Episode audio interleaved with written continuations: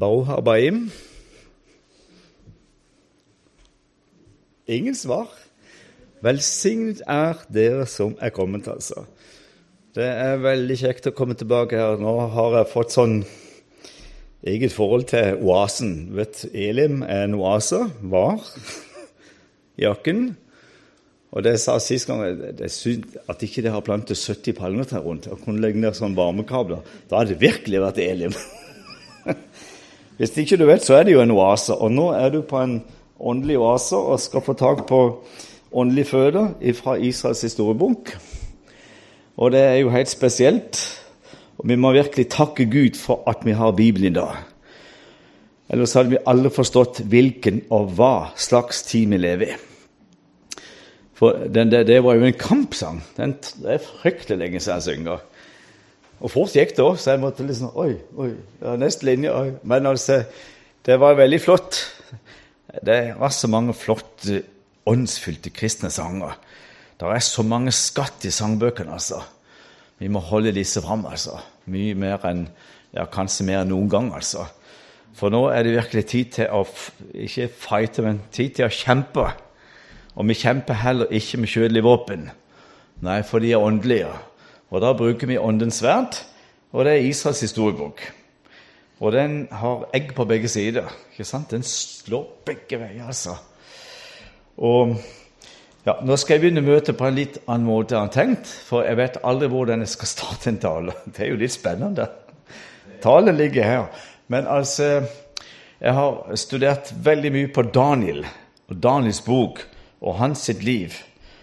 Og i den boka til Daniel så er det faktisk et tidsinter, eller perspektiv, på 70 år. Og han ble jo statsminister i verdens første supermakt. Det var ikke det egyptiske, det var ikke det asyriske, men det babylonske verdens første superstat. Og der ble han faktisk, som jødegutt, skolert og utdanna, måtte lære nytt språk, aramesk, alle disse ting her. Men når han hadde vært i Babylon og vært der i 69 år, vi vet det, for det er, lett å granske disse skriftene, så står det 'Jeg, Daniel, gransket nøye i skriftene til Jeremias', statsprofeten Jeremias i Jerusalem. Og den bokgrunnen til denne statsråden som egentlig skulle blitt prest, for faren var prest. Han var av Levi-stamma. Levitene de gjorde prestetjeneste i tabernakler. Og når tabernakelet ble eh, omskiftet med tempelet til Salmo, så gjorde de prestetjenester. Det var det eneste, eneste stammen som ikke fikk fylke i Israel. Alle Jakobs elleve stammer fikk fylke, men Levi fikk ikke. De fikk slike sånn fribyer rundt i landet. Men eh, Jeremia skulle bli prest. Faren var det. Men han ble ikke det. Han ble en svær svovelpredikant. Han ble den største svovelpredikanten som noen gang har levd. Vi har, han skrev til og med klagesangene. Men vet du, når Daniel sitter bøyd Jeg ser han for meg. Han er høyt i alder. Han, er, han har levd ganske lenge, da. Spiller ingen rolle. Han er en voksen mann. Så står det jeg, Daniel, gransket nøye i bokhyllen til Jeremias. Og der får han se to ulike steder veldig klart. 70 fulle år skal gå, så skal Gud hjemsøke Babels konge. Ikke sant? Og du kan tro han har lurt. Han, er, han har vært toppolitiker, og han kjenner jo hele det politiske system. Så det må skje, det må skje noe liksom i toppsjiktet, noe som jeg blir veldig kjent. av. For, for da sier Gud da skal jeg hjemsøke Babels konge. Og Daniel var, Daniel var statsminister. Så da er det ikke at han, begynner, altså, han begynner å bli veldig interessert. For da står han ganske nøye. Det er akkurat som han bruker lupe. Hva står der? Og det vet vi det står i kapittel 25 og kapittel 29 i Jeremias-boka. 70 fulle år skal gå, så skal Gud hjemsøke Babels konge. Vi tar ikke tak i det nå. Det var den gangen Daniel tydet Skriften på veggen. Den kalkede mur, og der kom skreven en finger. Mene, mene, tekel sin. Ja, veit er du funnet for lett, og alt dette er spennende. Det får du ikke av meg nå, for jeg har eh, en bibeltime om Bibelens mektigste kapittel. om det. Men vet du hva? Det er mitt poeng. Hva var det som drev Daniel inn i forbønn? Forbønn for sitt folk i eksil i Babylon. Det var nettopp det han hadde lest. Det som drev Daniel inn i forbund for sitt folk, det var troen på det profetiske ords konkrete og bokstavelige oppfyllelse. Han hadde et enormt bønnemøte. Han, brukte, han hadde et eget tårn og med vindu mot Jerusalem. Det var det de tok han i gang ikke sant, han havnet i løvehulen. Men vet du hva? Da hadde han en, et, et, eget sted, et bønnekammer. Og han brukte masse tid i bønn. Men han ble jo da heller ikke skuffa, for han lurte veldig på hva kan Gud ha i liksom, Hva kan Gud trekke ut i armen som et sitt S? Han visste det ikke. Han ble sjøl en del av oppfyllelsen. For han var det som måtte, eller som, som tyda Skriften, eller som tolka denne fingeren som uh, skrev på veggen. Men det som er mitt poeng, at så drev han inn i en stor forbundstjeneste for sitt folk som han hadde stor nød for. Det var Han trodde at nå hadde det gått 70 år her For vi hører ikke hjemme i Babylon. Vi fikk, Sion fikk vi som løfte. Løftelandet. Ja, ikke sant? Det hadde Esaias fått beskjed bare noen tiår før. Til evig tid skal dere eie landet. Det står i Jesaja 60, vers 21. Til evig tid skal dere eie landet. Lad eller Leolam, som det står på gunnspråket. Altså så lenge universet står. Så det visste han. Og så tar, tar, Gud tak i en, i en veldig bibel altså må jo si Han var bibelspreng. Han heter Esra. Det er jo en, det er ikke så mange kapitler han har, men han er utrolig aktiv. Og Esra får jo tak i denne svære beretninga. Og vet du hva han sier om dette at Gud tar tak i disse ting her? Og profetien i Jeremias bok oppfylles, og Daniel tyder Skriften, så sier han dette skjedde for at det skulle oppfylles, det som Gud hadde talt om gjennom sin tjener Jeremias. Så ble han veldig styrka i troen. Så holdt han altså noen bibelundervisninger. Kan du tenke? Det står fra sola kom opp til de så stjernene på himmelen om kvelden. Og de sa ammen, ammen, ammen. Og de var så enige, og de var så hungrige på Guds ord. Er vi hungrige på Guds ord? Hvis det er en generasjon som skulle være hungrig på å sette seg ned, som Daniel gjorde, ganske nøye, hva er det som egentlig skjer? Hadde Stumbrud ikke vært en tegneseriefigur, så hadde jeg sagt åkke som, altså. Tenk om det var sånn at kristenfolket nå mer enn noe annet brukte tid i og med skriftlesing og bibellesing og bønn. Da hadde vi ja, det er som du leser i 2. kongebok 6. De som er med oss, er flere enn de som er imot. Da hadde vi vært en stor hær. Nå ber vi deg, Jesus, her, at du gir meg visdom. Kanskje først og fremst jeg snakker seint. Du vet min store svakhet er kanskje å snakke fort. Nå ber vi at du hjelper å sette bremse inn i tankegangen. Så det viktigste og det alvorligste kommer fram som du ville skulle komme fram den ettermiddag kveldsstund. Så takker vi for enhver som fant veien til dette ditt eget hus, det viktigste til deg og ditt ord. Vi er på hellig grunn. Vi er rett og slett i en slags oase. Og der skal det være godt å være. Der skal det være liv. Der skal det være en kilde. Der skal det vi dekke tørsten vår, altså. Så ber vi ned din gode Hellige Ånd, så må du tenne oss i brann med din hellige ild og varme, så vi forstår alvoret. For du åpner Skriftene for oss, gjør det levende. Sett du oss ned på Mariaplassen, så du får oss i tale. Det er det vi trenger for ei tid som vår. Aldri før, altså. Du må sette oss ned, så du får oss i tale. Amen. Det er så kjekt å se dere alle sammen, og jeg synes det er et privilegium å få lov å reise. Kona mi sier gang på at du orker det kjøret. Hun har gitt meg grønt lys, bare så du vet det. Nå har jeg fart rundt i 35 år over hele landet og opp ned til Israel nesten 80 ganger, så du blir litt sånn kjent med forhold osv. Og, så får jeg lov å stå i kall. Det er ikke det jeg skal snakke om nå, men det som er spennende, det er det som er oppe på agendaen, som er oppe på Jesus sin agenda. Det er tegn i tiden. Og da har vi noen veldig taler av Jesus sjøl, og så er det en toller som skriver ned, det er en lege, og det har andre ulike yrker. Det er Matteus, Markus og Lukas. De skriver ned og sitter med Jesus alene oppe på Oljeberg. Er jo, her ligger Jerusalem. ikke sant? Det er jo jordens navle som ligger her.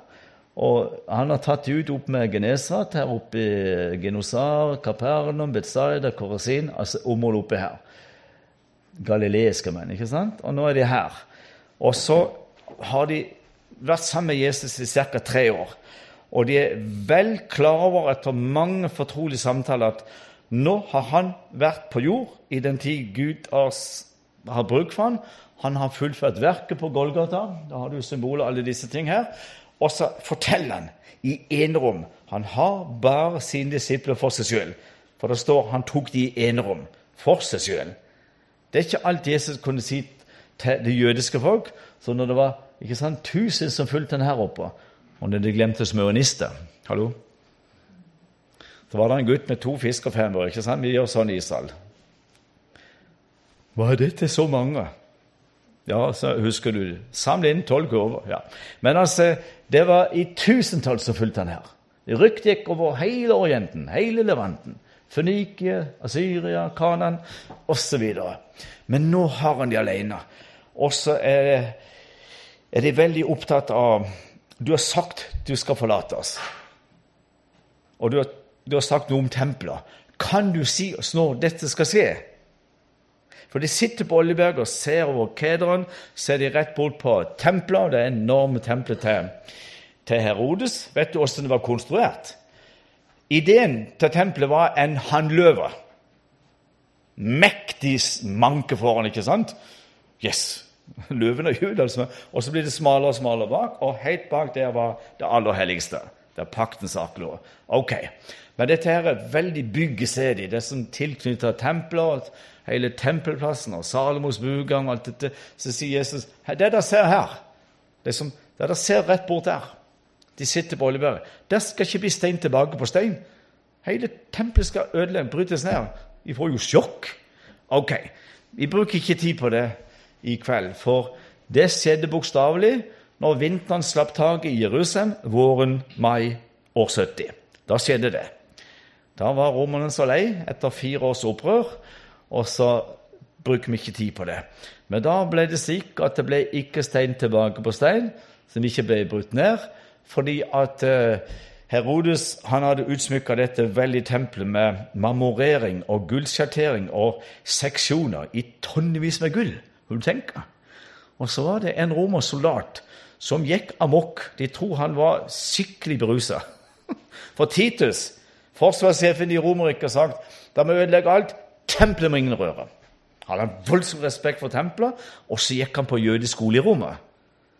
Forsvarssjefen i Romerriket, som var sønn av Vespasian, den svære keiseren som bygde Colosseum i Rom. ikke sant? Idrettsarenaen. Men da må ødelegge alt. Tempelet må ingen røre. Men hva sa Jesus? Her skal ikke bli stein tilbake på stein. Og når denne her soldaten kaster en brannfakkel inn i tempelet, så vet vi av historisk uh, kunnskap at stor del av bærekonstruksjonen var det vi kaller for laminat, og innsatt med bek. Ja. Og så, når konstruksjonen tok fyr, så kan du tenke det er ikke mange hundre grader, så begynner gullet å smelte. Ikke sant? Så begynte gullet å smelte, og så rant det ned i fugene, fant naturlig vei i disse store konstruksjonene. Og dette visste romerne om at uh, gullet mister jo aldri uh, verdi. ikke sant? Så hadde de en svær fabrikk rett ved Getsemane. Høres veldig verdslig ut. Men da var det ikke noe som i dag, sånn alle nasjoner cirka. Det er jo en olivenpressehammer. Gratsmanin, oljepressehammer i Getsemane.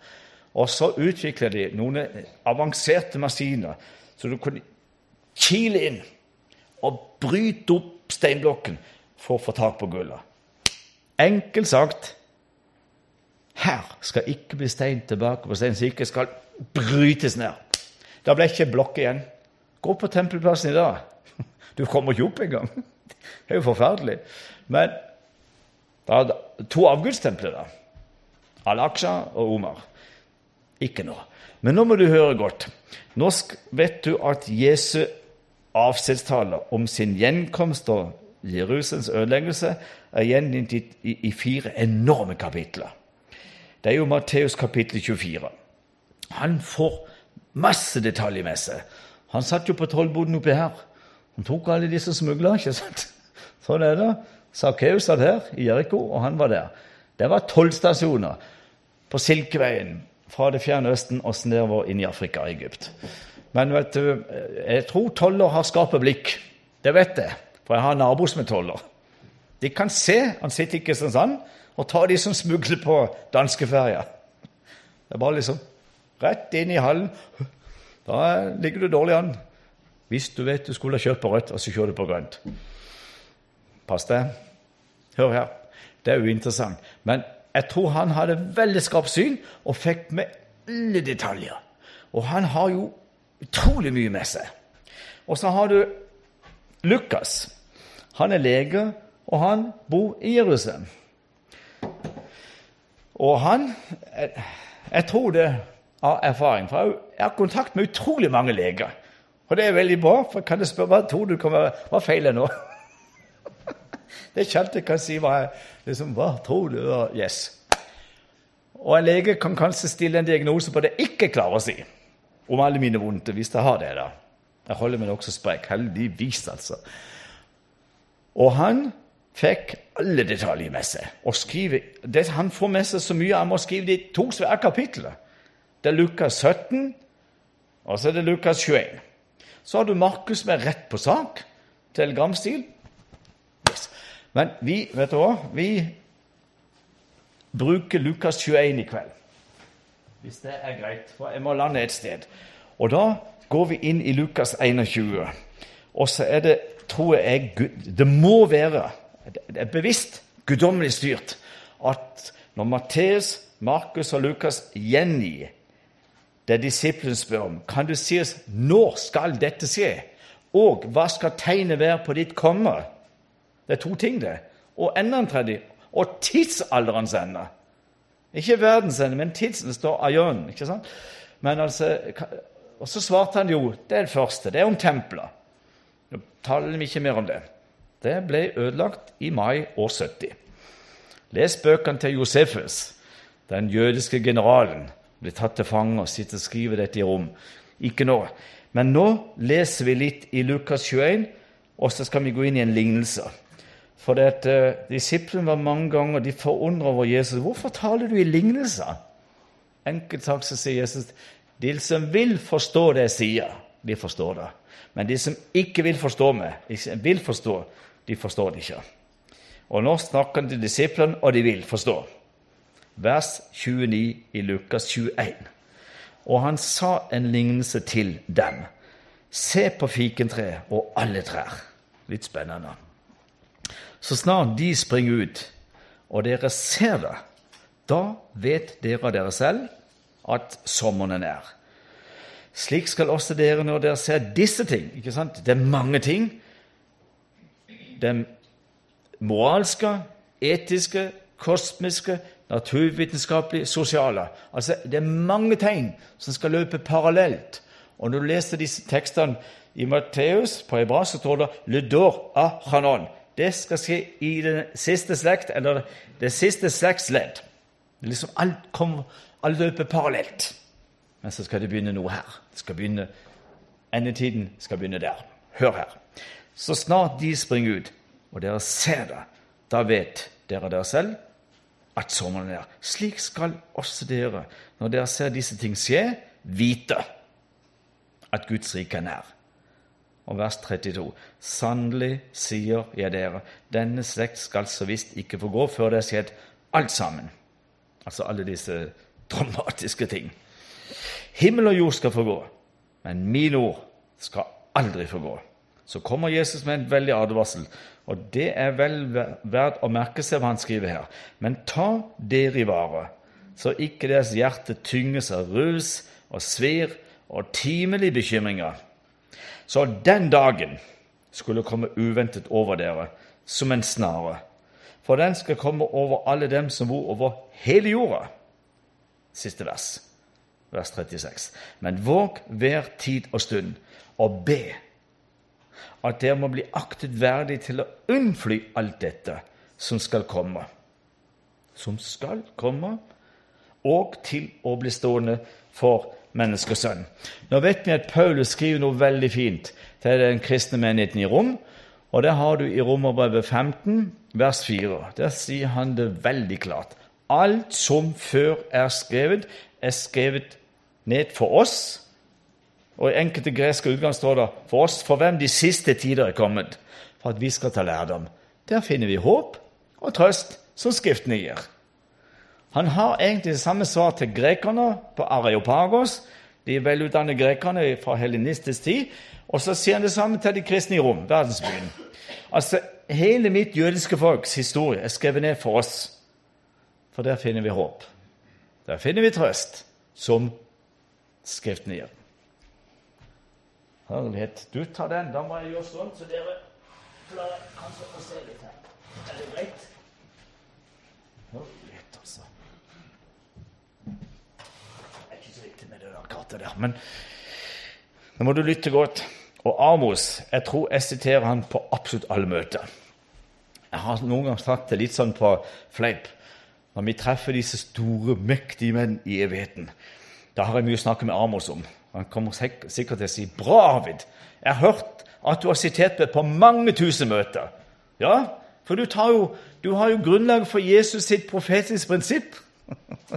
Det står i Amos kapittel 3, vers 7. Det må du pugge utenat. For det er hele bærebjelken for der vi får tak på hvorfor Gud handler som han gjør, og han gjør ting kjent før det skjer. Og da tar jeg det før jeg leser litt av det som Jesus svarer i sin avskjedstale. Og i Amos 3,7 står følgende For Herren Israels Gud gjør ingenting uten at han har åpenbart sitt lønnlige råd for sine tjenere, profetene. Nå skal jeg ikke gå der, for da blir jeg bare forvirra. Du har 88, og jeg har 1930 i hodet, så det er greit. Her er 88. Men hør, handler Gud, gjør han det kjent. Og vi har det skriftlig. Det er jo det som er så spennende. Derfor så ser vi at Gud har en frelseshistorisk plan. Han er ordensgud. Og alle Guds tanker er målrettede. Det er jo det som ligger mellom linjene i Amos 3, ikke sant? Alle Guds tanker er målrettede. Han har en hensikt, en målrettet. Han er ordensgud. Og når han har orden på universet, sol og måne, stjerner, tid og alt dette her, da sier han jo sjøl skulle ikke han ha orden på det viktigste av alt? Sin frelseshistoriske plan. Langt mer. Eller like mye, da. Nå må du lytte godt, for vi leste en profeti her eller en lignelse. Lær en lignelse av fikentre og de andre trær. Vi vet, eller Jeg håper at alle dere har hørt om Emanuel Minos. Han studerte i mange år i England, på Oxford universitetet. Og da hadde han alltid med seg Bibelen på alle forelesninger. Blant 6000 studenter sier så hadde han alltid med seg Bibelen. Jeg vet ikke hvordan han gikk med den, men mange går sånn med Bibelen der. Det er veldig synlig. men hør, han ble kjent av foreleserne når de sitter i disse her forelesningssalene. Han har alltid denne tunge boka med seg. Så var det en foreleser som spurte han. Du vet, Han var jo norsk, men så veldig lite norsk ut. For han hadde jo han hadde eh, egyptisk og gresk mamma og pappa. Så han er halvt araber og halvt orientaler, eller sånn halvt europeer. da. Men han ble norsk, for han ble jo adoptert. ikke sant? Det er lite interessant nå. Men han ble spurt du, hvorfor har du alltid Bibel med deg. Da var han dristig. Jo, jeg lærer så mye rart her. Oksmål! Herlighet! Jeg lærer så mye rart her. Og stemmer det ikke med Guds ord, Bibelen? Wasting of time. Det var engelsk. Jeg har ikke bruk for det. Det spiller tid. Vet du, Istedenfor han nesten fikk sånn en korreks, så nøt han respekt. Og vet du hva denne foreleseren Du kan lese det i en av disse bøkene om Minos. Jeg husker ikke hvilken. det er jo også alle disse talene han har holdt som ligger ut på nettet, på CD, på kassett, jeg vet ikke, ut på YouTube. Men vet du hva? Han nøt respekt, og plutselig kommer foreleseren inn på dette. We are The Great Britain, ikke sant? Vi er yes, verdensherskere. Storbritannia. Så sier han til Minos, vet du hva? Vi briter opplever at tiden er moden. Tiden er inne for oss briter til å oppgi alle våre kolonimakter. Da fikk Emanuel Minos vann på mølla. Ja, men Jesus sier jo det. Hva? Har Jesus sagt det? Ja. Alle land skal bli frie. Så siterte han denne lignelsen her. Læreren lignelsen fikk han til, og de andre til. her. Men han sa alle nasjoner skal bli frie, men det skal begynne at jøden får Jødeland tilbake. Så ble det helt stille. Vet du hva han foreleseren sier? Du, studentene Jeg tror dem. Tiden er inne. Tiden er moden. Og så sa Minos noe annet. Da profeterte han. Du skal få se at Sovjetunionen går i oppløsning. Den stram i maska. Tror jeg ingenting på. Du vet det er noe som heter jernteppe der. Ja, men Jesus sier det. Hva? Har han sagt det òg? Han har ikke sagt at Sovjet skal gå i oppløsning. Men da må du lytte godt. Hva skjedde 10. november 1989? Jeg snakker mye med K. Kristiansen. Husker han? Olje- og energiminister. Long time ago. Jeg hadde han på flere turer i Israel, han og kona. Og Vi hadde møte sammen på Sørlandet, og jeg pumpa han for alt jeg kunne av kunnskap. Den mannen må jeg ha tak på. Jeg passer på, jeg har han i min buss, jeg skal spise frokost og middag med han og kona. Jeg skal pumpe han for alt jeg kan tenke. For den mannen sitter på mye kunnskap. Også det hjertet han hadde for jødefolk og Israel. Yes. Og vet du hva han sa? Når jeg var statsråd, så kunne han fortelle at den gangen i november 1989 Det er jo krystallnatterdøgn, ikke sant? 10. november. Faktisk samme dag for Luther sin fødsel. Ja, de, han hadde ikke bursdag 10. november. Men vet du hva? Så sier han det er ingen i UD ikke sant, her i Oslo.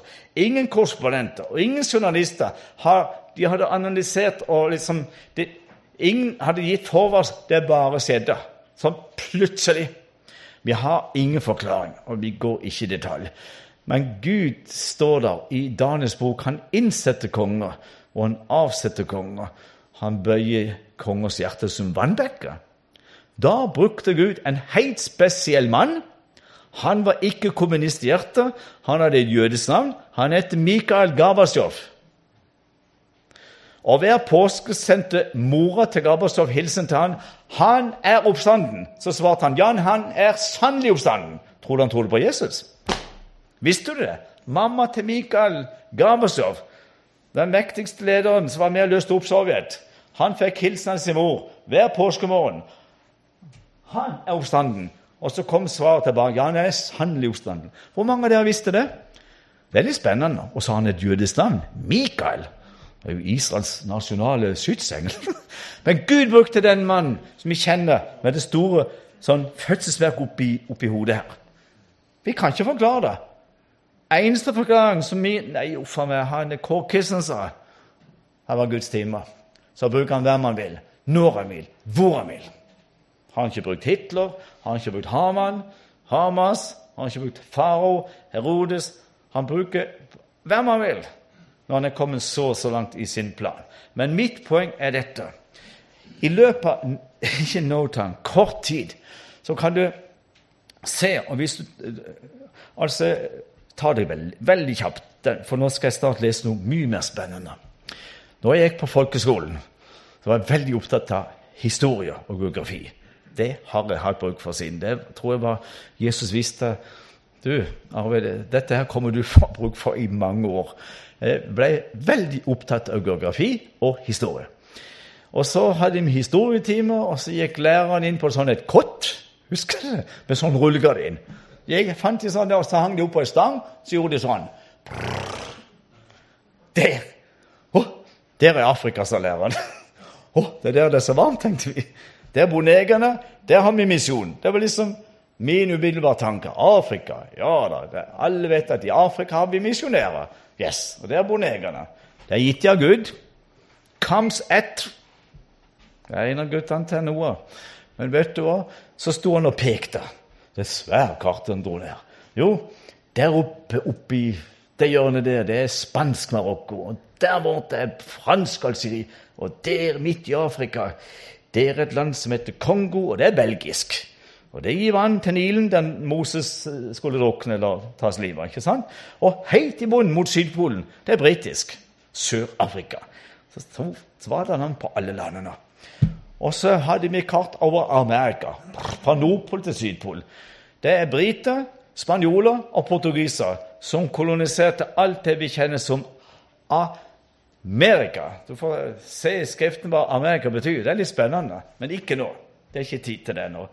Men vet du hva? Du kan dra ned i dag hvilket kart du vil. Alle land er frie. Kolonimakten i Europa har oppgitt alle sine kolonimakter. I den andre og i den tredje verden. Litt spennende. Og mens vi hadde OL på Lillehammer, hva skjedde nede med Adriaterhavet? Tito døde. Og så går det bare no time, så står masse nye stat opp. Som har vært lagt kvelertak på helt tilbake til 1054. Kom inn. Kom inn og sett deg hvor du vil. Hør her. Det er ganske utrolig. Vi fikk Montenegro, vi fikk Bosnia-Hercegovina, vi fikk Serbia, Kroatia osv. Det er litt spennende. Bruker ikke mer tid på det. Men mitt poeng er det, det var det Mino sa. Du skal få se. Da blir livet i alle trær. De skal bli selvstendige og gjenoppstå. Altså som selvstendige stater. Men så ser Jesus noe som kommer liksom, som en konsekvens. For han vet jo alt. Han så enden før han skapte begynnelsen. Og da vet jo Jesus at det er ikke så lett å styre seg sjøl hvis du har hatt en, en, en, stormakt som har undertrykt de ulike etiske Nå hører du jeg beveger meg inn på et spesielt vers. Som har holdt nede de etiske konfliktene, spenning med de ulike etiske folkeslag, under disse kunststatene. Vet du hva Jugoslavia betyr? Ja, Det er sørslavere. Det er jo et eget folk. Men det er ulike etnos i disse var Jugoslavia. da. Men det er spennende der at Jesus sier det skal oppstå noe etter de forfridende baker. Når kommunismen, som hadde vært som en, et lokk på en trykkoker Plutselig så er Sovjet i oppløsning, og de mister sin ideologiske og politiske og militære og økonomiske støtte. Så var det liksom over natta så står det opp, og så ble det det Jesus sier her. Må du lytte godt. For det er disiplene opptatt av. Hva skal prege den generasjonen du kommer igjen? På hebraisk står det 'le av chanon', det siste slektsledd. Må du høre godt. Vers 9 og vers 10 i Lukas kapittel 21. Og jeg er så redd jeg snakker fort. For fort. Jeg snakker fort, men går det bra? Går det bra?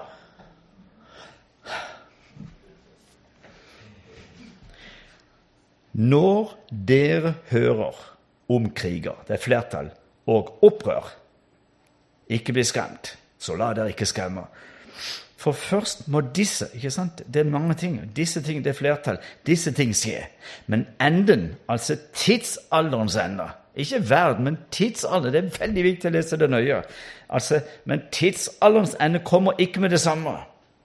Da sa han til dem han sitter og taler til disiplene på Oljeberget. Folk skal reise mot folk, og rike mot rike. Nå må du høre godt. Jeg er nødt til å følge med på dette. her. Og jeg bruker masse tid på å studere alle disse ting som har med eschatologien, altså læren om de siste ting. Det er jo derfor jeg lager disse her uh, albumene, bibeltimen, som ligger her på CD-mappa. Men vet du hva?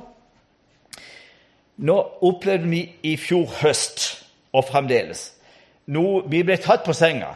Hele Europa ble tatt på senga. Plutselig begynte det å velte med flyktninger over Atlanteren. Ikke sant? Inn på, ja, Dette kan du utenat. Og så ble det jo Det tok helt av. Vi ble, Europa ble tatt på senga. Enda de kunne analysert og sett dette med ISIL og ja, nok ut av det. Men vet du hva? Så kommer det i hundretusenvis av flyktninger. Veldig mange vil til Tyskland. Og Tyskland har jo en lav terskel pga. en trist forhistorie ikke sant? med nazisme og alt dette. Så de liksom har, er veldig rundhåndet. Liksom bare kom. bare kom. Så fikk en stjernejournalist lov til å stille henne noen, noen spørsmål som gikk inn i fremtiden. Og det er en av verdens mektigste damer. Hun er ikke forbundskansler for ingenting, Angela Merkel. Men vet du, hun fikk et spørsmål av en vi kaller en stjernejournalist. En sånn, ja, i the upper class. Hva, du som er forbundskansler i Folkerepublikken, eller i Tyskland, da, hva ser du som en konsekvens at det kommer i hundretusenvis av flyktninger og over en million inn til ditt land? Hva ser du som ligger foran oss i tid, i nær fremtid? Vet du hva hun svarte? Ordrett fra Lukas 21,10. På tysk. Og nå skal du få det på gresk. Og vi har det på norsk. Du vet, Det, det stemmer ikke. Vi, vi, altså Norsk er jo et fattig språk på ord. Det vet alle. Engelsk er mye bedre. Fransk er godt, men gresk og hebraisk og aramesk, som disse skriftene i utgangspunktet er skrevet på, det er jo det beste. For det er jo originalspråket. Vet du hva hun svarte? Det blir multietniske konflikter. Det blir krig, sa hun. Fordi det er tre grunnleggende ting for at dette legges grunnlag for krig. Hva var det Jesus sa i vers over? Rykter, og så var det flertall, krig og opprør her og der. Ikke bli skremt, sier han. Ikke bli redd. Men det hun egentlig sa det vil oppstå etniske konflikter, multietniske konflikter. Fordi her kommer flyktninger. Det er nå tre ulike ting. da. Det er fremmed språk, det meste er arabisk, ikke sant? og det språket de snakker langt borte i Afghanistan. Uinteressant akkurat nå. Men det som er den største utfordringa, det er ideologien de har med seg, og den heter islam. Det er total frontkollisjon med den europeiske kristne kulturarv. Der blir Nå skal jeg ta det som Jesus skrev det. Sa det, og Lukas skrev det på gresk. Jeg ser ikke det. Da blir jeg bare forvirra. Hør. Nå skal du høre hva, hva, det står i grunnteksten i Lukas 21,10. Etnos, epi, ep, et, etnos. Det Jesus sa, som kommer som en konsekvens, så naturligvis at det blir liv i alle trær. Men det skal begynne der, som Mine sa. Jødene skal få jødene tilbake, og så skal alle nasjoner Altså, Det ville være meningsløst av Jesus å lære disiplene en lignelse. Hvis det var helt meningsløst. De andre er nødt til å være andre nasjoner, for Israel er en nasjon. Det er det eneste treet som har fått navnsnevnelser. Der står bare de andre og de andre trær. Ja vel? Og det er ett tre. Ja vel? De får friheten tilbake. Det blir tøen. De skal gjenoppstå med frihet. Kan du finne oss i apostelgjengen 17. Ikke nå. Det er fra vers 24 utover der. Vi er skapt som folk i nasjoner med faste grenser for å søke Gud osv. Men vet du hva Jesus har sett? etter de oppstår som nasjoner, så vil det oppstå etniske konflikter. Men si ikke bli redd.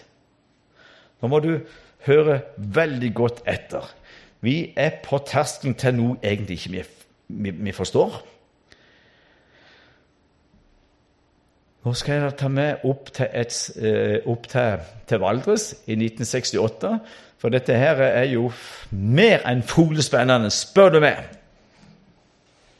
Jeg hadde et møte nede i Vennesla. Det er der han Svein Magne Pedersen har sin base ikke sant, for sånn helbredelse. Ja, Det er der han har hovedbasen sin. Så det var jeg prekka nå i mars forrige måned. Så dro jeg hjem. Jeg bor jo i Mandal mellom Lindesnes og Kristiansand.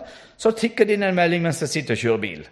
Og du vet Det er farlig å lese melding kjøre bil, men jeg du når jeg kom hjem. Vet du, Arvid, det du har talt om i kveld på Blokkås i Vennesla Det står tre hele sider i Aftenposten om det i dag. Budskapet til kvinnen på over 90 år til Valdres som hun ga til en kjent predikant som heter Emanuel Minos. Aftenposten hadde tre hele sider på det. Nå skal du få et resymé, for nå er det spennende. Det er noe langt mer enn foliespennende tid altså her. Og jeg har budskapet liggende her, og det har stått i alle kristne tidsskrifter. De store kristne etablerte kristne organisasjoner. Alle har hatt det med. For Minus fikk beskjed en stund før han døde. Hvis du tier stille om det budskapet du fikk Hadde hørt hva han fikk klar beskjed 'Jeg skal kreve blod av din hånd'. Jesus taler til ham et, et budskap om hvordan det kom. 'Jeg skal kreve blod av din hånd'. hvis, du, altså, hvis ikke du frier altså formidler dette budskapet jeg ga til min tjenerinne, en dame på over 90 år, da hun godt voksen, og Så var hun med på fellesmøte oppe i Valdres, og dette er 48 år siden. Og nå får du et resymé. Vet du hva hun så? Hun sa 'Jeg har fått et budskap av Jesus'. Og Da sier jo Minos også dette her. Alle budskap må og skal testes på Guds ord. Naturligvis. Og Det er mye både ånd og kjøtt om hverandre mange ganger. Men så sa han alt må holde vann. Det skal testes på Guds ord. Yes. Så leste han da og sa dette budskapet har jeg fått av Jesus. Dette må du holde fram på dine møter. Så begynte han å lese. Så tenkte han med en gang grotesk.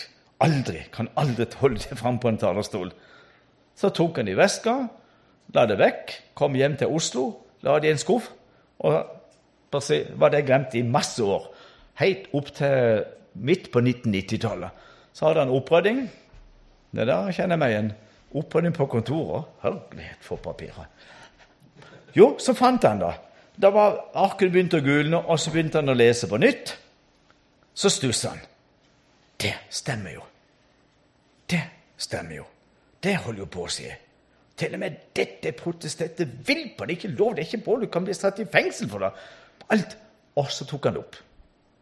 Og det var vel da han fikk høre, for ikke lenge før han døde, tier du stille om dette, jeg skal kreve blod av din hånd. Det står noe om dette i Esekiels bok. Bare les i begynnelsen av Esekiels bok. Sånn var det med han og den store eksilprofeten i Babylon. da. Men hør, noe av det første hun fikk sett, det var det at det skulle bli et frafall ifra sann kristendom som det norske folk aldri i historien har opplevd maken til. Det skal bli en lunkenhet og en likegyldighet og en sløvhet og en materialisme og en slags surrogatkristendom og en lykkeforkynnelse som kristenheten i Norge aldri har opplevd maken til. Og så sa hun mange ting omkring det, men så sa hun det at det blir mindre og mindre behov og trang for vekkelsesforkynnelse. Folk vil ikke lenger så ofte høre om, om synd og nåde, bot og bedring. Akkurat de ordene brukte. Bot og bedring.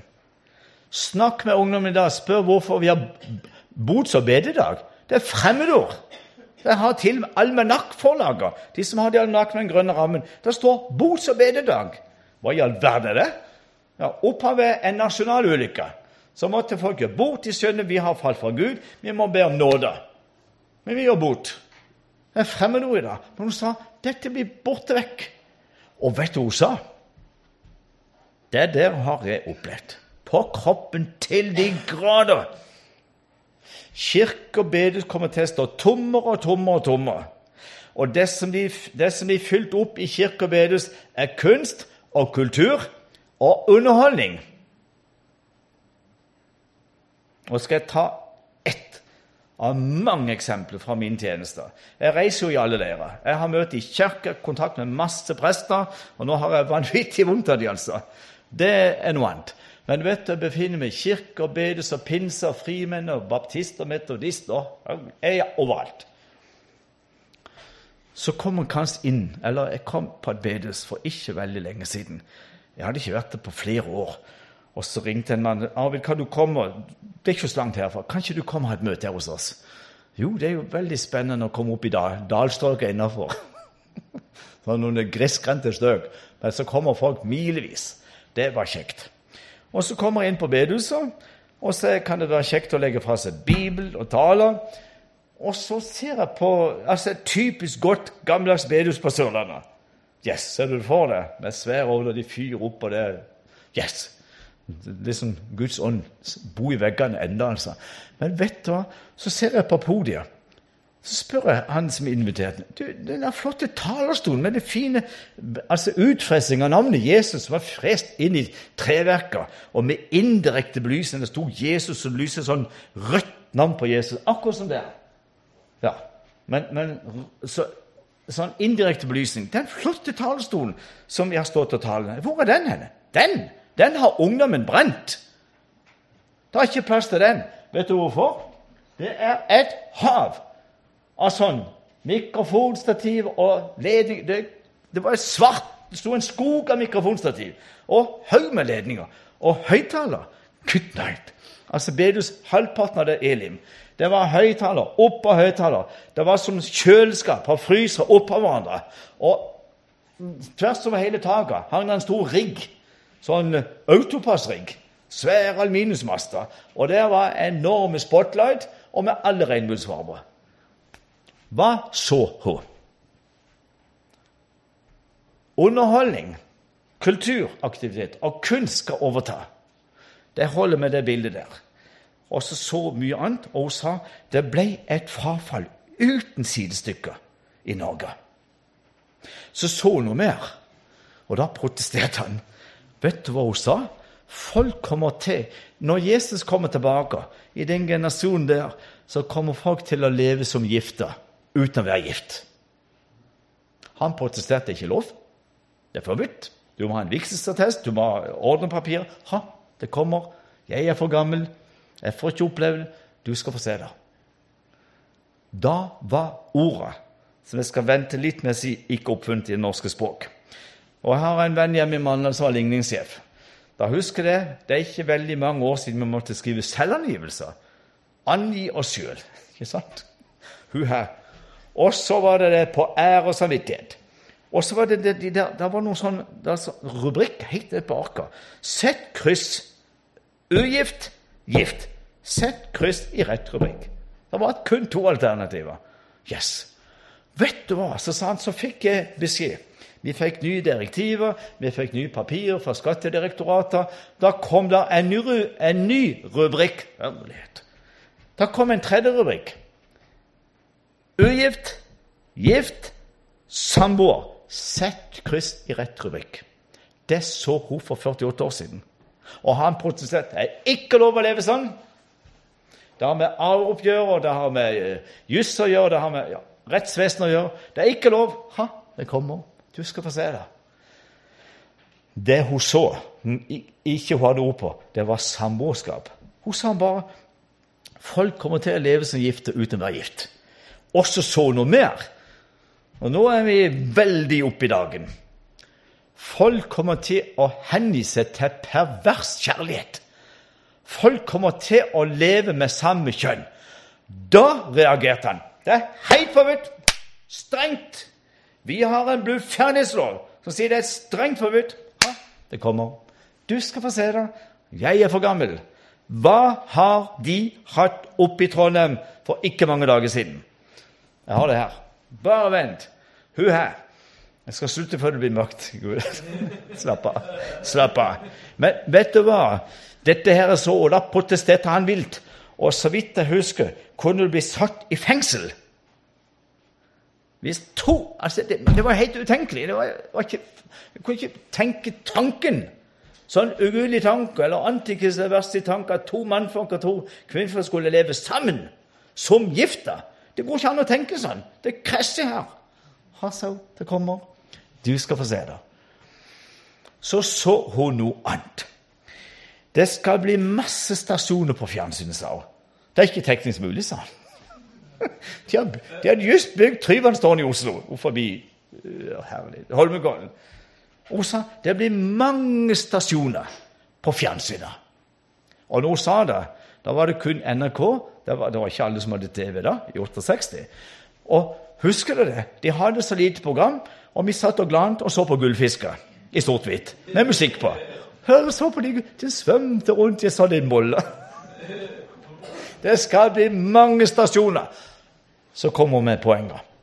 På de stasjonene på fjernsynet som det blir mange skal underholdninga bli kriminalitet og vold og usedelige filmer. Det er strengt forbudt, sa han. Vi har en ærbarhetslov, eller ja, ærbarhet og, og, og oh, alle disse navnene som detter ut, altså.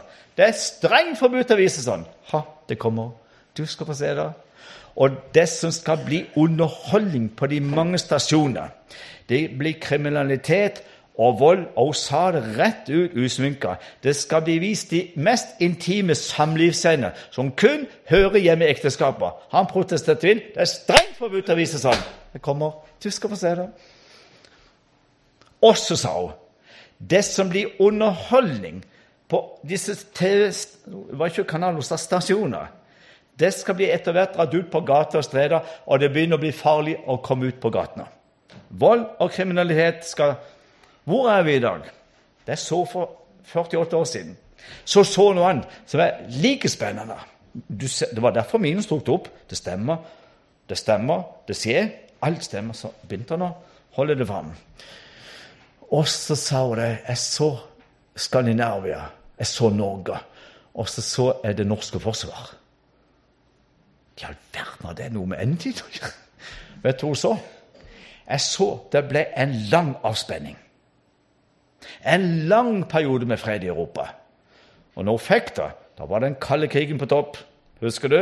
Sovjet, den røde armé, valsa inn i Praha med svære T-72-tanks. Og de har sett, for jeg har vært der. Det store minnesmerker. Det var ingen grunn til å ruste ned. Den kalde krigen var på topp. Og bare ikke mange år før så rulla de inn i Budapest, ikke sant? I, i Ungarn. da. Nok av det. Det skal bli mange år, lang periode med fred. Og det norske forsvaret skal bygges ned og bygges ned og bygges ned. Og vi kommer til å bli mindre forberedt enn Norge var 9.4.1940. Og en av de tre siste forsvarssjefer satt og sa på et populærprogram en lørdagskveld Den ene heter jo Granhagen, han kristen. Det er en flott mann. Og Så var det en annen, Fredrik Bull-Hansen. Det er jo lenge siden, da. Men vet du hva? Han sa rett ut på et spørsmål av vedkommende som intervjuet han.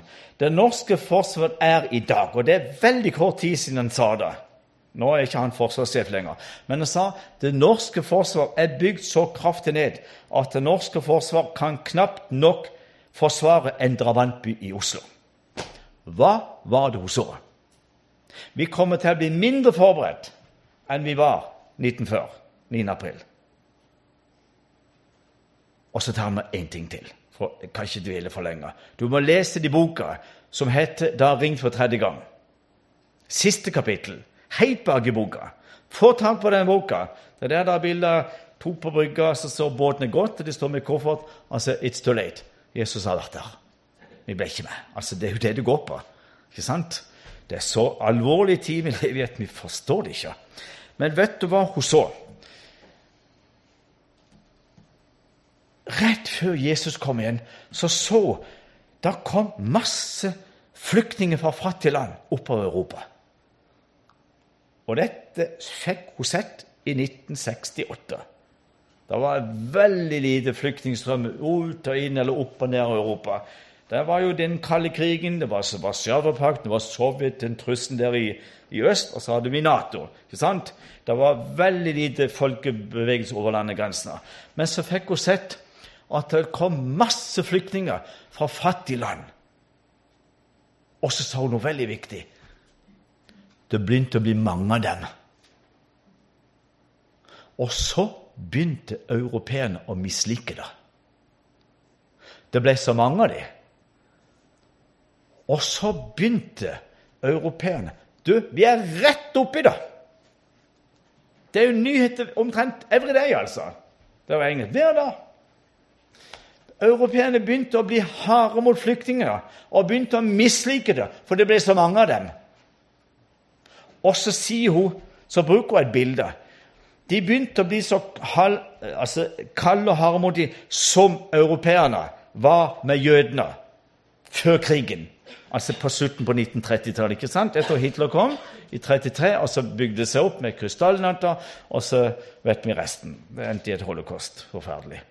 Men vet du hva? Europeerne begynte å mislike det og ble harde mot dem. Og så sa hun Da så hun at Det er jo det jeg har på min Se det, sånn timeglass. Da så hun liksom at Guds timeglass var fullt. Syndemålet var nådd.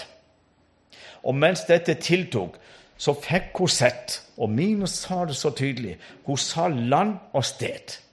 Men det ville aldri fortelle til folk. For hun sa mens denne flyktningstrømmen kom oppover, og Europa begynte å bli hardere, så begynte det en konflikt et sted ingen hadde tenkt. Og aldri noen hadde liksom tenkt Der! Er det liksom ikke Midtøsten? Er det ikke Israel? Og, ja. Men han var en vis mann. Han sa det, han det sjøl. Jeg husker han sa på et møte nede på Sørlandet. Jeg, jeg hørte landet. Jeg hørte navnet på nasjonen. Det vil jeg aldri si, for jeg vil ikke skape hets mot noen. Han var en, en utrolig edelmann. Han gikk i grav med det. Kanskje Åsa, kona hans, fortalte det til henne. For hun hørte det jo når de var der oppe på Valdres. Men det får du ikke greie på. Og mens dette her tiltok, så ble det en konflikt som det må du lese sjøl. Ikke nå. Men hvilken og hva slags tid er vi på vei inn i? Og vet du hva Bibelen sier? Mens, og han sa dette må testes på Guds ord, og inntil i dag stemmer alt med Jesu avstandstaler. Det med flyktninger det vet vi ingenting om. Men det, det som er spennende, det hun så Da skjedde dette at syndebeg, altså, Da var synden så moden at Gud liksom bare snudde timeglasset.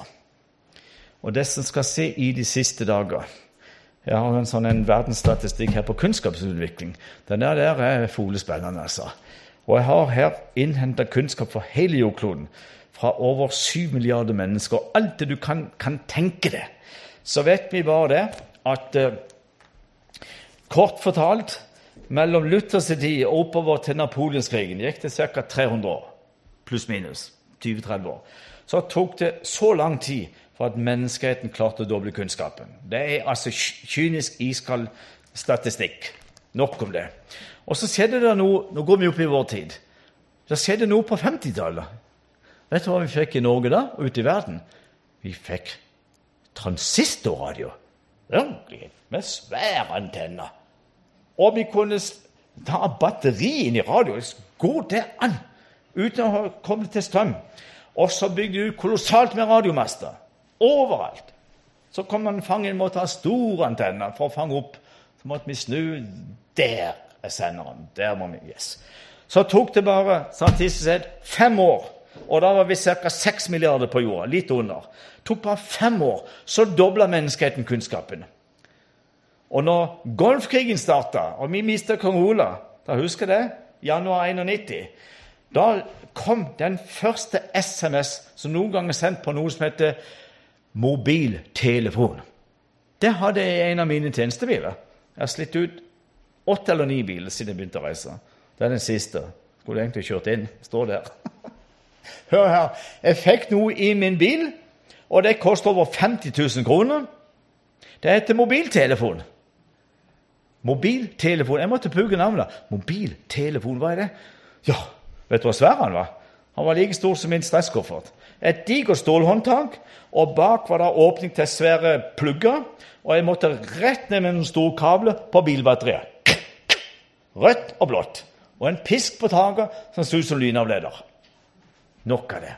Vi bruker ikke tid på det. Og så utvikla det seg en tid som vi ikke har sett maken til. De bygde ut, og samtidig som dette skjedde, så kom kommunikasjonssatellitter på løpende vann. Og den første SMS, vet du hvordan den lød?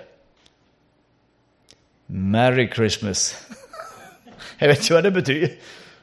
God jul!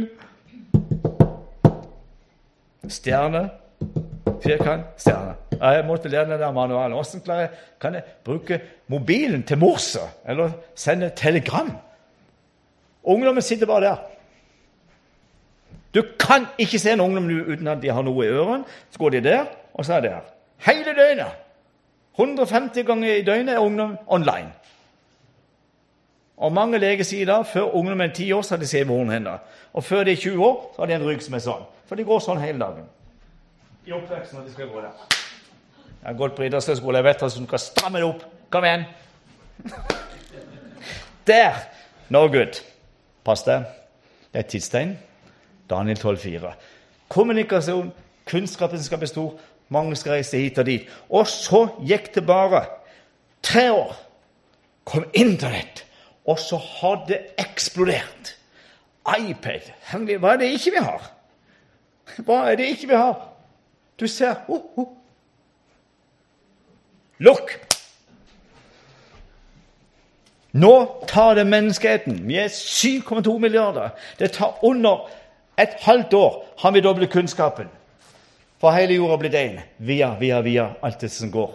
Ikke sant? Vi kaller det sosiale medier. Så sier Jesus noe, og han henter dette fra Daniel. Sånn Daniel skriver. Sånn Daniel har sagt. I Matteus evangeliet henviser Jesus hele 25 ganger til den profeten som jeg har fordypa meg nå i den uh, siste CD-mappa jeg lagde nå i mars i forrige måned. Den må du få tak på, så skal du virkelig våkne. Jeg vet det, for jeg får melding på SMS og mail og telefon og brev at folk sitter i bilen og hører seg frelst. Ligger der. Ikke nå får du kjøpe, men etterpå. Så sier Jesus noe annet. Og det er aktuelt i dag, for i dag har det vært et megajordskjelv. Nok om det. To dager siden var det et megajordskjelv i Japan. Og når Jesus snakker om Det heter seismos. Det står i neste vers. Stor jordskjelv her og der. Så har en verdensstatistikk som er, målt, som er samlet inn fra 2700 seismiske målestasjoner på alle kontinenter over hele jordkloden. Jordskjelv er ikke noe tidstegn. Men seismos altså det, det, det, kalles for ekstrem, altså rystelser. Og her er 1900, og nå er, vi, nå er ikke den oppdatert, så nå er det helt oppi det blå. Det sier det veldig lite. Men her gikk vi inn i år 2000, og etter år 2000 har det skjedd noe med hele jordkloden, med de tektoniske plater. Går mot og fra hverandre, går over og under. og ja, Du kan dette her. Og så vet vi det at det er nidobla av det Jesus sier seismos når du leser evangeliet her på gresk. For det står stor jordskjelv her og der. Det er nidobla på 15 år. Japan hadde et på 7,1 to dager siden, og i dag hadde Colombia. Det er den veldig farlige ryggen som hele Sør-Amerika er pressa sammen på. San Andreas forkastning. Det er jo så spennende. Men nå fikk du høre i dag, nyhetene i kveld skal se. 10 000 soldater er på strak kalt ut for å hjelpe. Men det som er mitt poeng Jesus har sagt dette skal vi se. Vi skal se jordskjelv. Når dere ser disse ting, skal dere vite at Nå legger vi det båt. Men det er noe annet som går parallelt. For seismos det er jo et gresk ord som betyr ekstrem. Det er heller ikke norsk. Ekstrem hastighet på luft eller vind og ekstreme rystelser. Det, det er brukt samme ord som ekstremvær og ek, ek, kraftig jordskjelv. Og her har en verdensstatistikk over uvær. Over vindmålestasjoner overalt. Og vi har sprengt alle skalaer.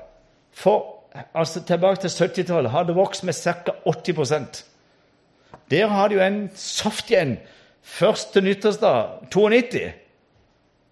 Den som ikke husker det, da er det jo, det er jo sånn før og etter denne der stormen. Men vet du hva? Vi bruker ikke tid på det. Men Jesus sier dette skal vi se, og menneskeheten skal bli redd og falle i avmakt. Og ja, Jeg bare henviser til CD-ene mine. Nå er det så spennende at Nordpolen er i ferd med å flytte seg. Ekspertene sier fortsetter denne her El Niño-effekten ut Det er jo et spansk ord. Det er Eh, Passaten som har snudd i ekvatorbeltet, ikke sant? i tempererte sonene i Karibien, det er rundt ekvator, der jorda er eh, på det varmeste og bredeste, så har den snudd. Og hvis Tor Heyerdahl hadde levd i dag, så kunne han aldri komme en meter med Kon-Tiki. For dette vind og strøm går mot Peru. Men den gangen, i 1947, stakk han ifra. Derfor landet han i Polynesia. Det husker alle dere. ikke sant? skal ta de hans menighet i neste uke, i Narvik. Ikke hans menighet, hans by. Hør her. Det har resultert i at kolossale mengder med varmt overflatevann kommer opp, og det går mot hele Amerikas vestkyst. Så treffer det vestkysten av Peru og Tila, og så går det langs Amerikas vestkyst. Og så går det under isen på Nordpolen og isen på Sydpolen. Og nå er det virkelig alvorlig med Sydpolen. For fageksperter sier det er det lumskeste for hele menneskeheten. Fortsetter den effekten, så kan store deler av verdens største iskapper komme i bevegelser. Og glir den over en viss kant, vil verdenshavnen på kort tid stige tre meter. Og Da regner de ikke med at 65 000 isbre i Himalaya smelter. Det har jeg på seminar nummer 14. Det, du må høre, altså det er spennende. For Jesus sier hunger, pest, uår. Skaperverket skal begynne å stønne og sukke lengte etter forløsning. Midt i helliggjørelseskapitlet så tar Paus tak i dette. I Romerne 8 fra vers 19 til 23. Du må få tank på disse biblene og, og spille den og kjøpe den til barn og svigerbarn og barnebarn. De kan sitte på PC-en og finne ut dette er tale internett om. Hva? Har Jesus talt om det? Yes! Nå er det tid for å våkne. Det er altså så spennende. Og i kveld kan du komme og ta bilde av alt det her. Jeg skal strø det ut. Har du mobil, så kan du ta bilde av alle disse bilder. Så sier Jesus noe annet. Dette har vist før. Vi hopper fort over det. Kosmiske forstyrrelser. Månen skal bli som blod. Jols bok kapittel 3 vers 4. Før Herrens dag kommer, den store og forferdelige. Og det er jo litt, litt, litt spennende. Tegn i sol, måne og stjerne. Vet du, når den første skuddrakett traff en forstad utenfor Tel Aviv 50.1.1991, så var alle astrofysikere i Australia. For der vil de oppleve en optimal formørkelse mellom sol og måne. Og akkurat idet det skjedde, så når det ble optimal formørkelse, sola dekker månen, og motsatt, så viser månen seg som en megadavidstjerne. Det kom på nyhetssendinger over hele jorda. Hva er det som skjer på himmelen? Tegn i sol, måne og stjerne, sier Jesus. Og månen ja, Vi tar ikke det nå, for dette her har jeg fortalt om før. her. Men du kan komme og ta bilder hvor du vil. Og så så jeg jeg sier jeg har kontakt med mange spennende mennesker. Så ringte en lege på Lillehammer til meg. 'Arvid, det du har holdt oppe her, dette med tegn i sol, måne og stjerner' Tysklands største TV-kanal har fortalt at verden lever, den nordlige halvkule lever veldig farlig nå.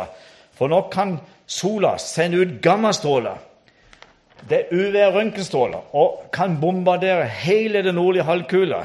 Og på bakgrunn av dette hadde Obama innkalling til ekstraordinært møte i Det hvite hus og innkalte 28 ledere alle EU-landene til krisemøter. Hva gjør vi i den høyteknologiske, høyteknologiske tidsalder? Magna.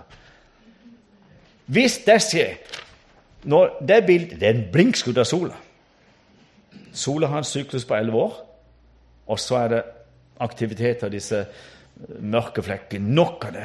Men de forteller NASA gang på gang nå er jorda i skuddlinjen for sola. Det kan skje anytime, altså. Når som helst. Og hvis det skjer, så vil alle kommunikasjonssatellitter Absolutt alt er blackout. Vet ikke hva det betyr. Det er slått ut. og vi mister TV-kanaler, eh, signaler. Ungdommen mister mobil. De er tilbake til steinalderen. Hva skal de finne på når ikke de kan gå der hele dagen? Hva i all verden skal ungdommen finne på? De kommer til å kjede seg i hjel. Jeg, jeg, vet ikke noen av dere trailersjåfører. Da var en trailersjåfør sa når dette skjer, hvis det skjer, så går det én dag, alle varehus er tømt. Det er jungelens lover.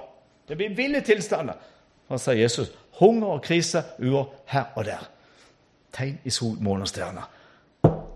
Hva oppdaga NASA ut i space? Kosmos. Dette er Jesu avstedtaler. Har ikke noe med moral og etikk å gjøre. Men dette er, altså, det er kosmiske tegn. Der må vi komme og ta bilde, altså. Dette her er helt ekstraordinært. For å kjenne folk som jobber i NASA. Gud sender eksperter. Alt faen han vet jeg har bruk for det. Som jobber altså i Washington. Det er hovedkvarteret til NASA. Rett ut forbi Washington. USAs romfartssenter. Nok av det. Vet du hva? De har tatt et bilde med Hubble og Kepler. Det er disse her svære elektroniske ører og øyne menneskeheten har ut i verdensrommet. Og så fanger de opp et bilde fra verdensrommet. Hør! 17 000 lyser ut i rommet. Så fryser det et bilde. Kan du se hva det er? De kaller det Kristi naglemerkede hånd i stjernetegn, i en stjernetåke. Det er jo, Du må komme og lese det sjøl. Se på det, det er som et røntgenbilde. Og en nagle som går inn, akkurat der de tror romerne drev naglen inn når Jesus hang på korset. Tegn i sol, og stjerne. Og i januar så la NASA ut et veldig spennende bilde. Har dere sett det? Et enormt sverd som har egg på begge sider som liksom står ute i verdensrommet som i stjernetegn. Hva er det Jesus har forberedt? Hva, er det han forbereder for noe? Og på toppen av det hele har hørt om Albert Einstein. Ikke sant? Det er 100 år siden. Han mente at det måtte gå an å lytte at det var lyd ute i verdensrommet. I forrige måned så kom resultater. Så dere det? Eller hørte dere det på nyhetene? Det var ingen som så det. Det, ikke sant? det var jo sånn som så når de måler Josef. på sånn stolper sånn, som går opp og ned. En nål. Hæ? Yes! Utrolig spennende. Men vet du hva? De sa Hør! Nå hører vi lyden av verdensrommet. Dette er lyden fra kosmos. Og i ett tilfelle så sa han og, og hva er det de sa? Et sagn av sjofar. Hva sier Paulus i Tessalonikerbrevet? Hva taler Johannes om i åpenbaringa er den siste basunen? Det er mange ulike basuner som er forvarsel, ikke sant? Akkurat som en båt skal gå fra kaia, så er det så og så mange slag på klokka, og så går båten. Da er det for seint å hoppe om bord. Vet du hva de sa? It's sound of shofar. Det som hører lyden av et bokal. Hva er det som er i gang? Eller hva er det Jesus forbereder? Han forbereder sin menighet. For han sier det klart. Disiplene spør gi oss noen tegn på tid du kommer tilbake. Og så står det i settinger med svære naturkatastrofer. Menneskeheten faller i avmakt av rettsgrunn og hav og brenning i bruset. Det kan være både tsunami og ekstreme ting. da. Men også sier han at Jerusalem skal tråkkes under hedningefot inntil hedningstida til enda. Og det vet vi Etter 67 så er det israelske jøder som styrer den hellige stad Jerusalem. Nok om det. Og så skal jeg ta tak i noe av det siste. Og Det har jeg egentlig gruet meg litt til. Men du, skal, du, må få det, for Jesus sier utover disse ting, så sier han når dere ser disse ting ta form, begynner å se, da skal dere vite. Jeg står for døren. Og så må vi ha med for Lukas fikk med så mange tegn at han har det med i to kapitler. Og nå er Lukas 17. Nå tar vi som et resymé. Som det var, skal det bli. Og Da sier Jesus som det var i Noas dager, og i Lots dager, altså på Noas tid og i Lots dager, skal det være i menneskets dager. Ja, Gud sender Jesus tilbake. Det er jo veldig enkelt, da. For det er bare å gå inn og lese første Mosebok kapittel 7, det som var innledninga til vannflommen. Og når Gud satte regnbuen på himmelen som et bevis Nå er jorda spart til ilden, den skal aldri mer ødelegges med vann. Og Det er jo den beryktede bevegelsen han har tatt som symbol. ikke sant? regnbuen. Det kjenner du til. Men det som var spennende rett før jul Jeg kjøper nesten aldri Dagbladet. Men noen ganger så får du det rett i fleisen. Du går inn i butikker, så får du det rett imot med kassa. Sånn er det jo. Og der sto det i november i høst Og jeg leste tenkte, det, må, det skal jeg lese. Hvordan er det blitt med moralen i Norge? Hallo? Vet du hva det sto? så intervjuet ei tolv år gammel jente i Oslo. Hun hadde opplevd at mamma og pappa skilte lag.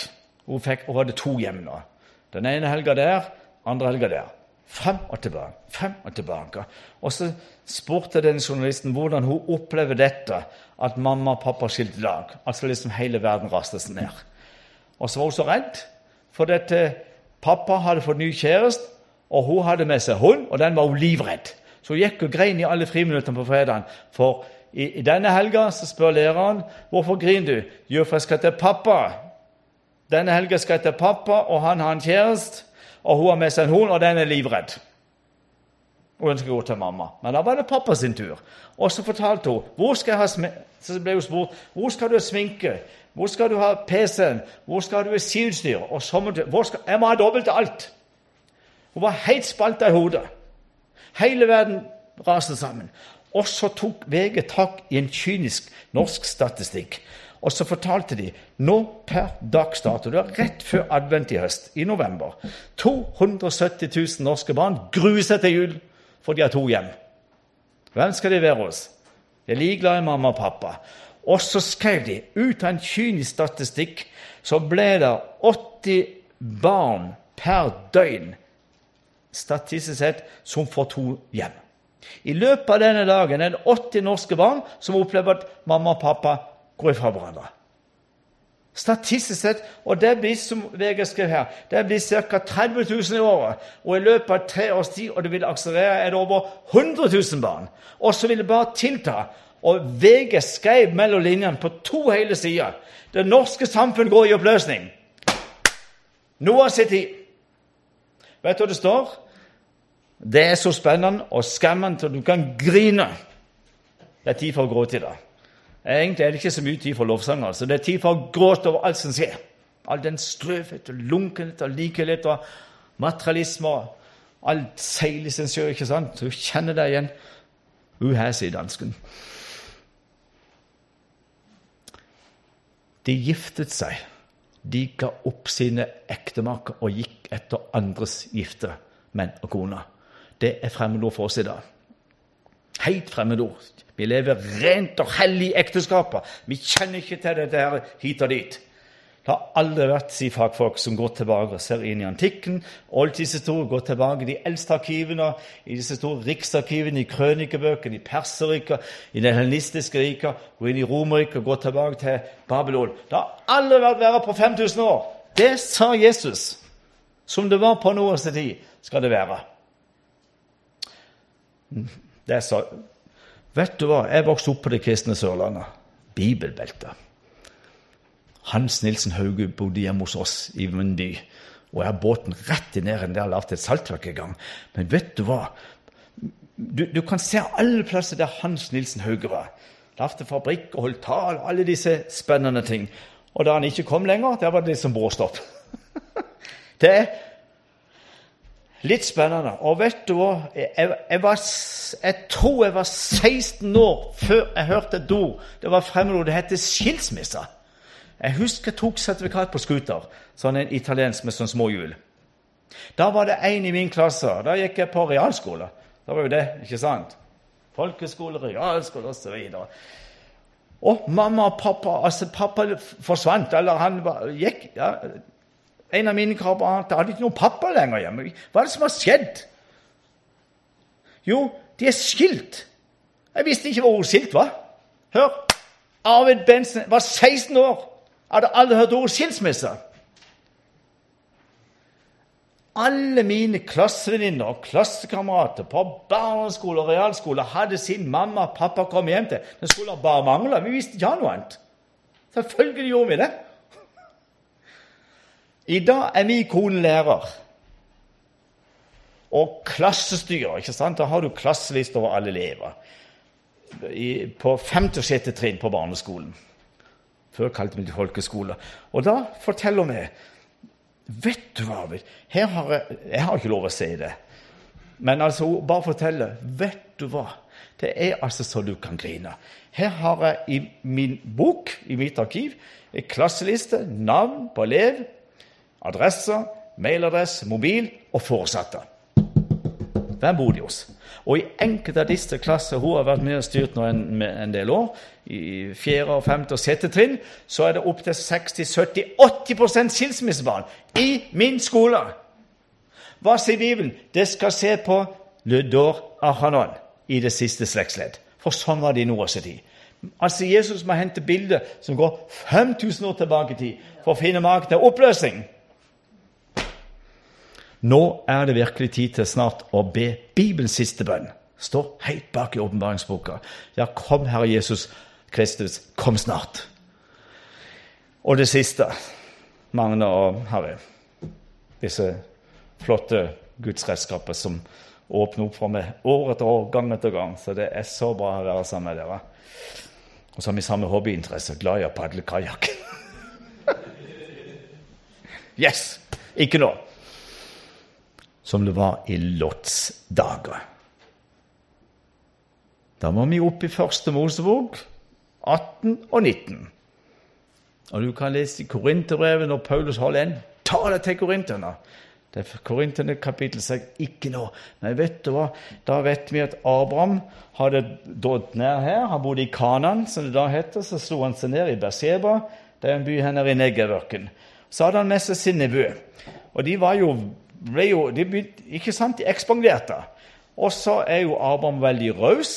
Han eh, onkel til Lot. For Lot sin pappa var kjødig bror til Abraham. Så enkelt var det.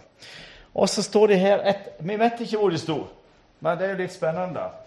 For vi vet iallfall hvor det endte. Uh. Det var jo sånn. Jeg tror ikke du skal opp noen flere skriftsteder. For de, de, får, de får det her, og så skal jeg legge de der. Men jeg vet Abraham bodde nede her, Bersheba, det er paktsbyen med brønnen osv. Så, videre.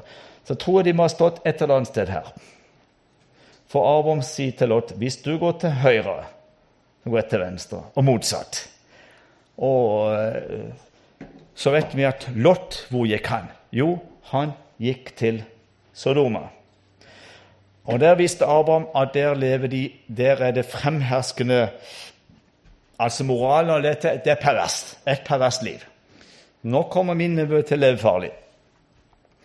Her har du Sodoma, og oppi det er Gomorra. Med bil tar det bare 18-19-20 minutter med leiebil. Det er, det er lang slette her. Og nå er det veldig flott med sånn helsehotell. Nå heter det Ein Bukek. Nok av det. Men nede her er det lang slette. På slettene der står det. Den er med Salthavet eller Dødehavet. Og så drar Lot ned der. Og nå vet Abraham nå kommer Lot til å leve under et åndstrykk, et press. Leve et, et, farlig liv. Og vet du hva, så begynner han å be for sin nevø. Så begynner han Gud, er det 50 rettferdige? Der. Vil du spare byen? Vil du spare byen? Ja, sier Gud. Og så tingene med Gud, så er det typisk jødisk. Er det 45? Ja, sier det. Er det 40? Ja, jeg vil spare byen for de 40. Og Så går han helt ned, og så sier han ei-to ganger Ikke bli sint på meg, ikke bli sint på meg. Du, nå komprimerer jeg. Er det ti rettferdige? Vil du da spare byen? Ja, sier Gud. Så var det ikke ti. Vet du hvordan Gud svarer på bønnen? til Abraham. For det står det var Abraham var Guds venn, står der.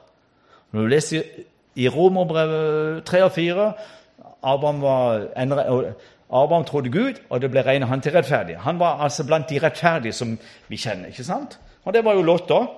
Poenget er dette, unnskyld, at Abraham ber og får som svar Gud sender to engler til Sodoma i mannsskikkelser. Det er utrolig viktig å lese Bibelen nøye. Nå er jeg i Første Mosevåg 19. Du må ikke finne det på PC-en din, for det, det er generelt. Jeg, jeg tar resymé kapittel 19. Og så banker de på. Altså, Lot tar imot disse englene, og han tar de inn i sitt hus. Og sånn er det i Midtøsten. Det vet vi alle. Eventuelt blant beduiner, drusere, jøder og arabere. Så det er veldig gjestfrie. Og vi får enorme mat. Herlighet for mat vi får. Det er stor gjestfrihet blant arabere og jøder og druser og beduiner, disse minoriteter som bor i dette merkelige landet. Merkelige landet, Israel, da. Jo, nå er de jo i Lots beskyttelse, og med en gang de to englene som er kommet i mannsskikkelse, kommer på besøk, så står det, knakker de på døra. Så spør de Lot, eller de sier til Lot, 'Du har to fremmede mannfolk på besøk.' Nå må du lytte godt. Vi er rett oppe i kirkemøtet i Trondheim, altså. Indirekte. Du har to fremmede mannfolk på besøk. Hør! Nå stiger spenninga og åndstrykket. Send de ut til oss, så vi kan ha omgang med dem. Hva er det Lot sier? Han blir jo helt fortvila. Les hebraismen. Altså, hvis du, det går an å få tak på på, på, på, originalen. Men vet du hva? Det kan oversettes rett ut i 1. Molo 19. Så sier han, som det er, det er vel egentlig den beste oversettelsen Gjør da ikke en sådan vederstigelig synd. Så står det Flytt deg! Kom deg vekk! Send ut mannfolkene, så vi kan få vår vilje med dem. Eller vi, så vi kan ha omgang med dem. Og nå er Lot fortvila. Nå er det kritisk inne i dette hjemmet. For han kjenner de. For vet du, tror de omringer hele huset. De kom alle unge og gamle homofile menn i Soloma. Litt spennende og veldig skremmende. Og nå er det en høyspenning i noe slott, og englene spør Eller Lot sier Han vet de er sendt av Gud, for det er jo svar på Abraham sin bønn. Og de har sikkert fortalt hvilket ærend, og at de har makt over hvelvingen Dette med ild og svovel, ikke sant? Og det skjønner vi. De må ha, de, Lot må få tak på veldig mye. De er sendt av Gud, altså. De er Guds tjenere. Engler i mannsskikkelser. Så sier Lot Begynn å tenke. Jeg har to ugifte døtre. Og de hadde to kjærester. Men disse her Vordens svigersønner de trodde at englene driller med det var bare en spit, en spøk. De, de, de forsto det ikke.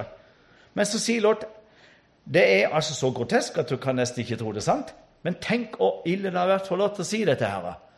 Jeg har to ugifte døtre. Jeg kan sende de ut, og dere kan gjøre med de hva dere vil. Sett inn i det som mamma. Hvis du har, La oss si du har to tenåringsdøtre hjemme, og så står det en haug med mannfolk forbi. Gjør med de hva dere vil. Det er jo absurd. Da har det vært kritisk. Vet du hva de svarer forbi? Send ut mannfolkene! De var helt uinteressert i to ugifte døtre. ikke sant? Tanken var pervers. Vet du, Det står i grunnteksten eller latin 'paradekon'. I tankegodset ligger der 'Disse er gitt opp av Gud', står det. Det glipper for Gud. De er oppgitt. De som lever sånn, står det, er oppgitt av Gud. Det står rett ut i Romerne 1 tre ganger 'paradekon', 'paradekon', 'paradekon'. Gitt opp av Gud, oppgitt av Gud. Og så går det like galt med dem som holder med dem, som praktiserer denne perverse livsstilen. Vi er midt i kirkemøtet, så det er, så du ikke, det, det er nesten ikke tror det er sant. Skal jeg snart lese noen få skriftsteder, så skal jeg sette strek. Det var godt vi begynte klokka sju. Nei, klokka fem, når vi er ferdig til mørket er mørkt. Må ikke se der. Jeg håper ikke du er urkristen. Så hør her. Nå er det spennende skremmende. Og vet du hva englene sier til Lot? Vi kan ingenting gjøre så lenge du er her. Kom deg ut. Ut av byen. Røm byen. Vi kan ingenting gjøre så lenge du er her. Og, og Lot blir jo helt han får, vet du hva som sier ut forbi. Det er stormangrep på huset. De omringer hele huset, disse gamle, unge homofile. Vet du hva det står? Og de, Der står de trengte hardt på Lot sitt hus. Og da gjorde englene det de hadde fått uh, si gave til av Gud. De blinde alle mennene. Så de bare famla rundt omkring ut. For dette er jo natta det skjer, ikke sant? Dette her foregår kanskje hele natt. Og de bare famla seg ut. og Det står ikke noe mer. De fant ikke verken ut eller inn. Og de slo de med blindhet. Og da er det altså så kritisk å si 'kom deg ut', vi kan ikke gjøre noe så lenge du er her. Og Lot spør rett ut kan vi, kan lov til å løpe opp til Soar. Det er fantastisk å gå fottur i dag. Det er noe annet. Her ligger jo, her ligger jo Soloma, akkurat der. Og her er Gomorra. Det er jo rett under Masada, du som har vært der noen gang. Det, ja, nok av det. Men her imellom heter det New Soar. Det betyr en liten by eller en liten landsby. Så sprang de opp her, og så, eller løp, og så hadde han jo ikke med kona, for englene sagt fly for ditt liv og se deg ikke tilbake. Ingen vet hva hun heter, men hele kristenhet i hele verden kjenner henne som Lots hustru. Og Jesus sier, 'Kom, Lots hustru i hun'. Hun skal være et skrekkens eksempel på den siste tid. Materialismen. Hun var bonden av materien, materialismen, hjemmet sitt. Hun var ikke løst. Hun tenkte å bare ut av hjemmet og bare stikke av. Hun snudde seg, så blir hun selvstøtte. det vet du. Men mitt poeng er dette. Så kom det ild og svovel. Og hvis ikke du har tatt bilde av dette før, så har du mobiltelefon med. Så har jeg dette her, for jeg har vært mange ganger i God morgen. Jeg har vært i Kanal 10 og Visjon Norge og vist disse dødelige svovelkulene fra God morgen. Og NASA har testet fjellmassivet her.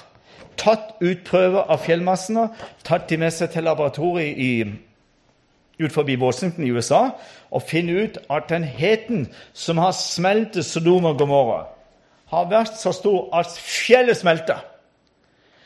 Det ble pulverisert nesten som magnesium. Jeg har vært og tråkket i dette. her, Det jo, må jo dusje litt lange tider når du går ut fra disse områdene. her. Men inni disse lagene her ligger det nesten vi vil si, koagulert svovel. Og inni det er rein død. Jeg hadde en kjemiker på møtet. han. Jeg hadde en kjemisk form på det. Du må aldri sette fyr i studiet til Hanvold og de. Det er døden, sa han. Jeg gjorde det hjemme. foran trappa mi. Det syter kokte ned i asfalten. Jeg får det aldri vekk. Jeg har stått med høyttaler for å få vekk det der, der Sodoma-lukten. Ikke tale om! Det gikk, det kokte seg inn i asfalt og stein, hele substansen. Jeg får det ikke vekk. Døden fra Gomorra. Ok, de har testet det. Ikke sted i verden er det mer høyere konsentrasjon av svovel enn der. De hadde ikke en sjans. Ikke en sjans, de som bodde her. Og det skal stå som et skrekkens eksempel, disse to byene, i den tida Jesus kommer igjen. Hvor er vi i dag? Du vet at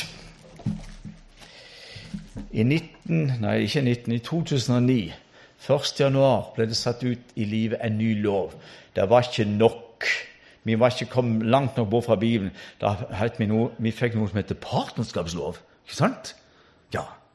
Da hadde de allerede forlatt bibelprinsippet og, og dette. Så fikk vi en ny lov, og den kom ut i livet. Og skal bare lese bakgrunnen, så skal du høre noe på slutten. Så du høre hvilken time vi lever i. Vet du hva? Dette her gjelder norsk ekteskapslov. Og nå er den avleggs. For nå kommer noe annet inn.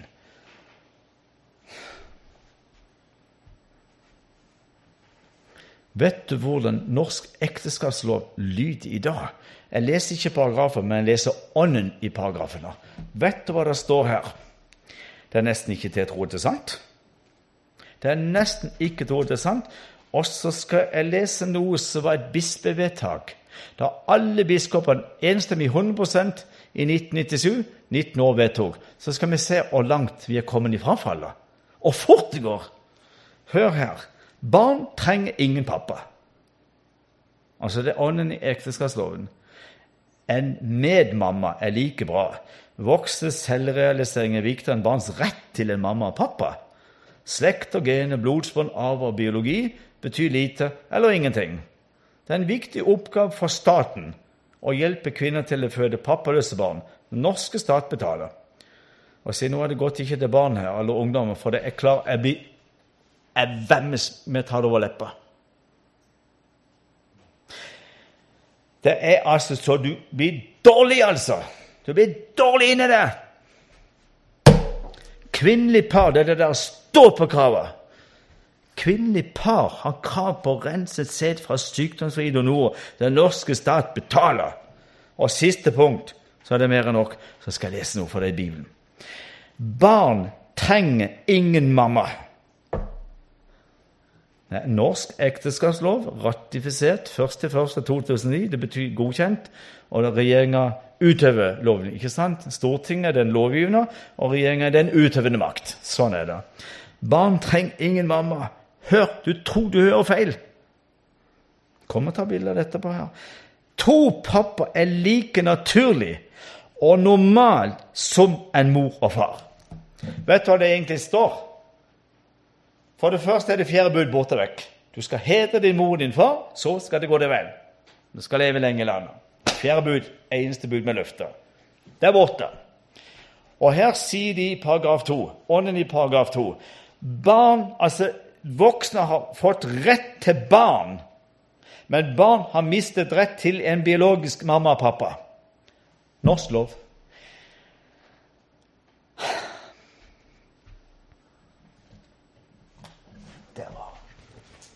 Heldigvis.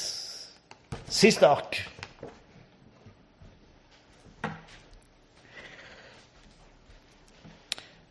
Vet du hva? De bestemte et samla bispemøte i 1997. Og da var det en kjent mann fra disse kanter som var med. Husker du han? Han heter Odd Bondevik. Og flere. Dem, vi bruker ikke navn, men altså, han var nå virkelig Han sto på bibelprinsippet. Han sto på Bibelen, han hadde Bibelen som grunn. Vet du hva de ble enige om? Et samla bispemøte for 19 år siden, 1997, var enige om konklusjonen. Hør! Hør hvor fort det går galt! Eller utforbakke. Det heter nemesis. altså Det, det, det er en glideskala. Det går bare én vei. Likekjønnet ekteskap er vranglære og kirkesplittende. Det er enstemmig bispemøtevedtak. 100 selvfølgelig! Det er jo krystallklart fra Bibelen. Kom mars, nei, herregud. april 2016 så da lederen i Norge da og Dagen. De kan jo ikke tro det sant. Da stod, det måtte gjenta seg sjøl. Du leser rett. Dette er altså 88 for å innføre sodomi i Den norske kirke, og 27 mot. Og det står alle de som før mente Og jeg kjenner jo en av disse her. Han er jo biskopen vår hos oss. Nevermind hva han heter. Men han har ikke kommet inn på høyskole universitet, for han er imot at menn og menn og kvinner og kvinner skal giftes i kirka. Og nå stemte han for! Jeg vet, eh, Han har vært og preket i kirka vår. Spiller ikke noen rolle hva han heter. Men det er egentlig en flott mann. Tror du ikke han stemte for? Hvilken ånd er det som inntar? Hvilken ånd er det Altså, det, det, det er åndsmakter som Det er ikke til å fatte. Det er nesten ikke til å fatte. Men nå bruker vi ikke tid på det. Nå skal jeg lese noe for deg. Fra bare Bibelen. Unnskyld. Nå traff jeg godt. Dette lærte jeg Øyvind Benestad. Det er en mann du må be mye for. Man ber like mye for han som du ber for Sylvi Listhaug. Altså. Det er noen vekter på muren som har et forferdelig press på seg. Vi er ikke ute etter politikk, politiske partier eller politikere, men det er det de står opp for. Hun er jo for uh, Kanskje noen av dere i familien. Hvem vet? Hvem vet? Jeg vet jo ikke hvem du er eller du heter. Noen vet det, men hør, dette lærte Øyvind Benestad. Jeg var på et møte han hadde nede på Sørlandet, på et bedehus der. Og jeg har aldri tenkt på det før. Så tok han fram dette. Og hvis du har mobil med, og da har du moderne mobil, så har du kamera på den, så kan du komme og ta bilder av de ekstremt viktige skriftene jeg leser her. Jeg skal bare lese bitte grann.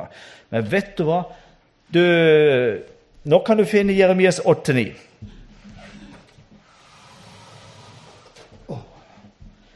Du vil nesten ikke til et ord til sant, men han sa dette her, det er ni midt oppi. Jeremias bok, det åttende kapittel, niende vers, står følgende. Og da tenker vi på på dette Hun her, sier jeg bare. Hun.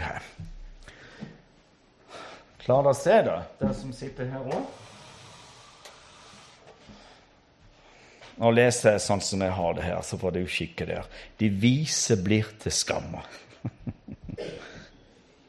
The clever brain, ikke sant? De som har mye her. De vise blir til skamme. De blir forferdet. Ulykken rammer den. Så står det her Se, Herrens ord, altså tenor, Bibelen, har de forkastet. Hvor skulle de da ha visdommen ifra? Visdommen er en person. Der står navnet hans. Jeshua. Eller Jesus. Det står der enkelte plasser i herlighet, altså. I ordspråket.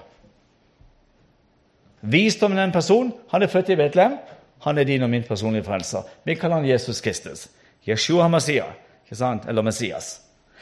Først har de forkasta Bibelen, og så har de forkasta Jesus. Hvor skal de ha visdommen ifra? Bonden datt ut, og bonden datt ut av Den norske kirke i Trondheim for noen få dager siden. Du kan ikke se det på en annen måte. Det er så skremmende og uhyggelig at jeg mest ikke til det er sant. Og vet du hva? Nå nylig på dette her ukeslutt det er NRK lørdag. Midt på dagen i ett-tida, sånn halv ett, halv to, så er det en hel time nyheter. Så det bakgrunn hva har skjedd siste uka. Hva er liksom headline? Hva har vært hovednyhetssendinga? Så brekker de opp med musikk, og så kommer det nye innslag.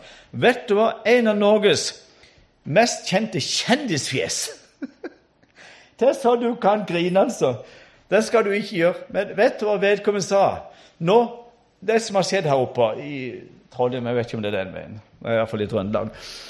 Så sa vedkommende på ukeslutt nå må alle prester som lever sammen med andre homofile menn, komme ut av skapet, for nå er alt lov. Nå er det tid for jubel! Hva står i Jesajas 5? Hør!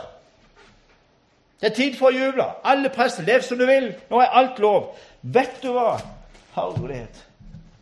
Der var han! Et svært tog på Karl Johan. Det er nesten ikke til å tro til sant. så går er et hav, nærmest, av homofile prester. Og vet du hva de har på prestekjolen? Stoler med regnbuens banner på. Og så står det på forsiden av dagen De oppfordrer alle menigheter i Oslo til å gå i homotog. For nå er alt lov. Synd, ordet synd er avskaffa. Og Bibelen sier de har et frekt åsyn. De er aggressive og tar aldri et nei for et nei. Vet du hva? Og de oppfordrer alle menigheter til nå å gå i tog. Og her går prestene, og de jubler, de går med dette regnbueflagget, og så står de der liksom og, og lovpriser Gud mens himmelen gråter. Nå skal jeg lese et vers for det. Esaias 5. Hør, du hørte hva jeg sa. Derfor blir det Esaias 5, vers 14. Derfor blir dødsriket enda grådig og spyler opp sin munn umåtelig. Ned farer byens fornemmer, og den slarmende hop og den spuldrende sverm og alle som jubler i den. Hør, han sa det er tid for jubel. Og det sto i Vikebladet, uh, den lokalavisen fra Sunnmøre. Det var en, en, kjent person der sto og viftet med flagget og sa nå er det tid for jubel. Nå er det tid for jubel, for nå er endelig vi har fått alt inn i kirka det så du kan dette bakover. Der står Den spuldrende sverm og alle som jubler i den. Mennesket blir bøyd, mannen ydmyket. Høy ble Herren herskerens Gud ved dommen, og den hellige Gud viser seg hellig ved rettferdighet. Og så sier Paulus noe i den veldige kampskrifta om alt dette når man er på ville veier. Far, Det står i Galaterne 6-7. Hvis du finner det unge tekniker, så er det veldig bra, for det er bare ei linje. Far, altså Galaterne kapittel 6, vers 7. Far ikke vil. Gud lar seg ikke spotte, for det et menneskesår skal han òg høste. Salomo sier i all sin visdom så du vind, så høster du storm. Det er jo egentlig et godt bilde, da. Så kommer det mest synlige og tydelige verset av alle. For du tenker på dette her. Prester som går i homotog på Karl Johan foran domkirka i Oslo. Jeg skal legge det, kan du gå og se. De har stoler. Jeg orker ikke si det. Det er jo dette bånd, ikke sant? Ja. Esaias 3,9. 3,9 hos Esaias. Om sin synd taler de åpent som folk i Sodoma. De skjuler den ikke. Ved deres gjelder, for de volder seg selv ulykker. Det er bare et par vers til, for vi, vi, vi er midt oppi det, altså.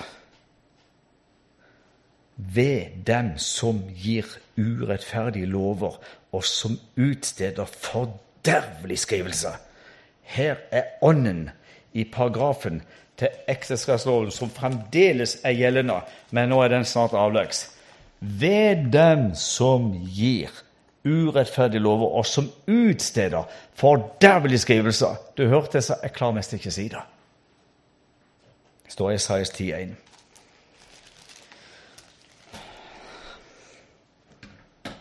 Siste vers. Nå må du holde det fast. Når en nasjon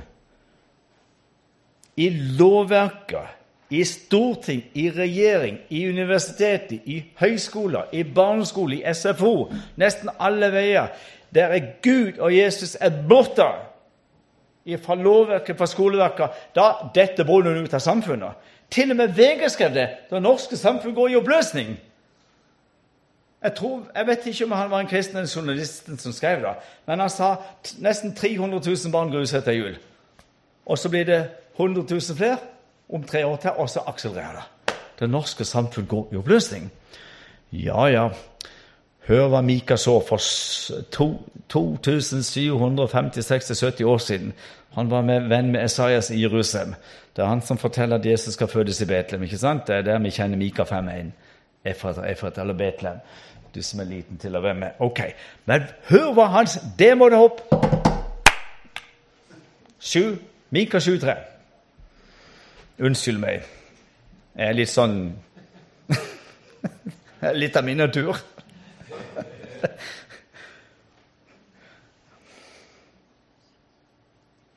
Mika 7, vers 3.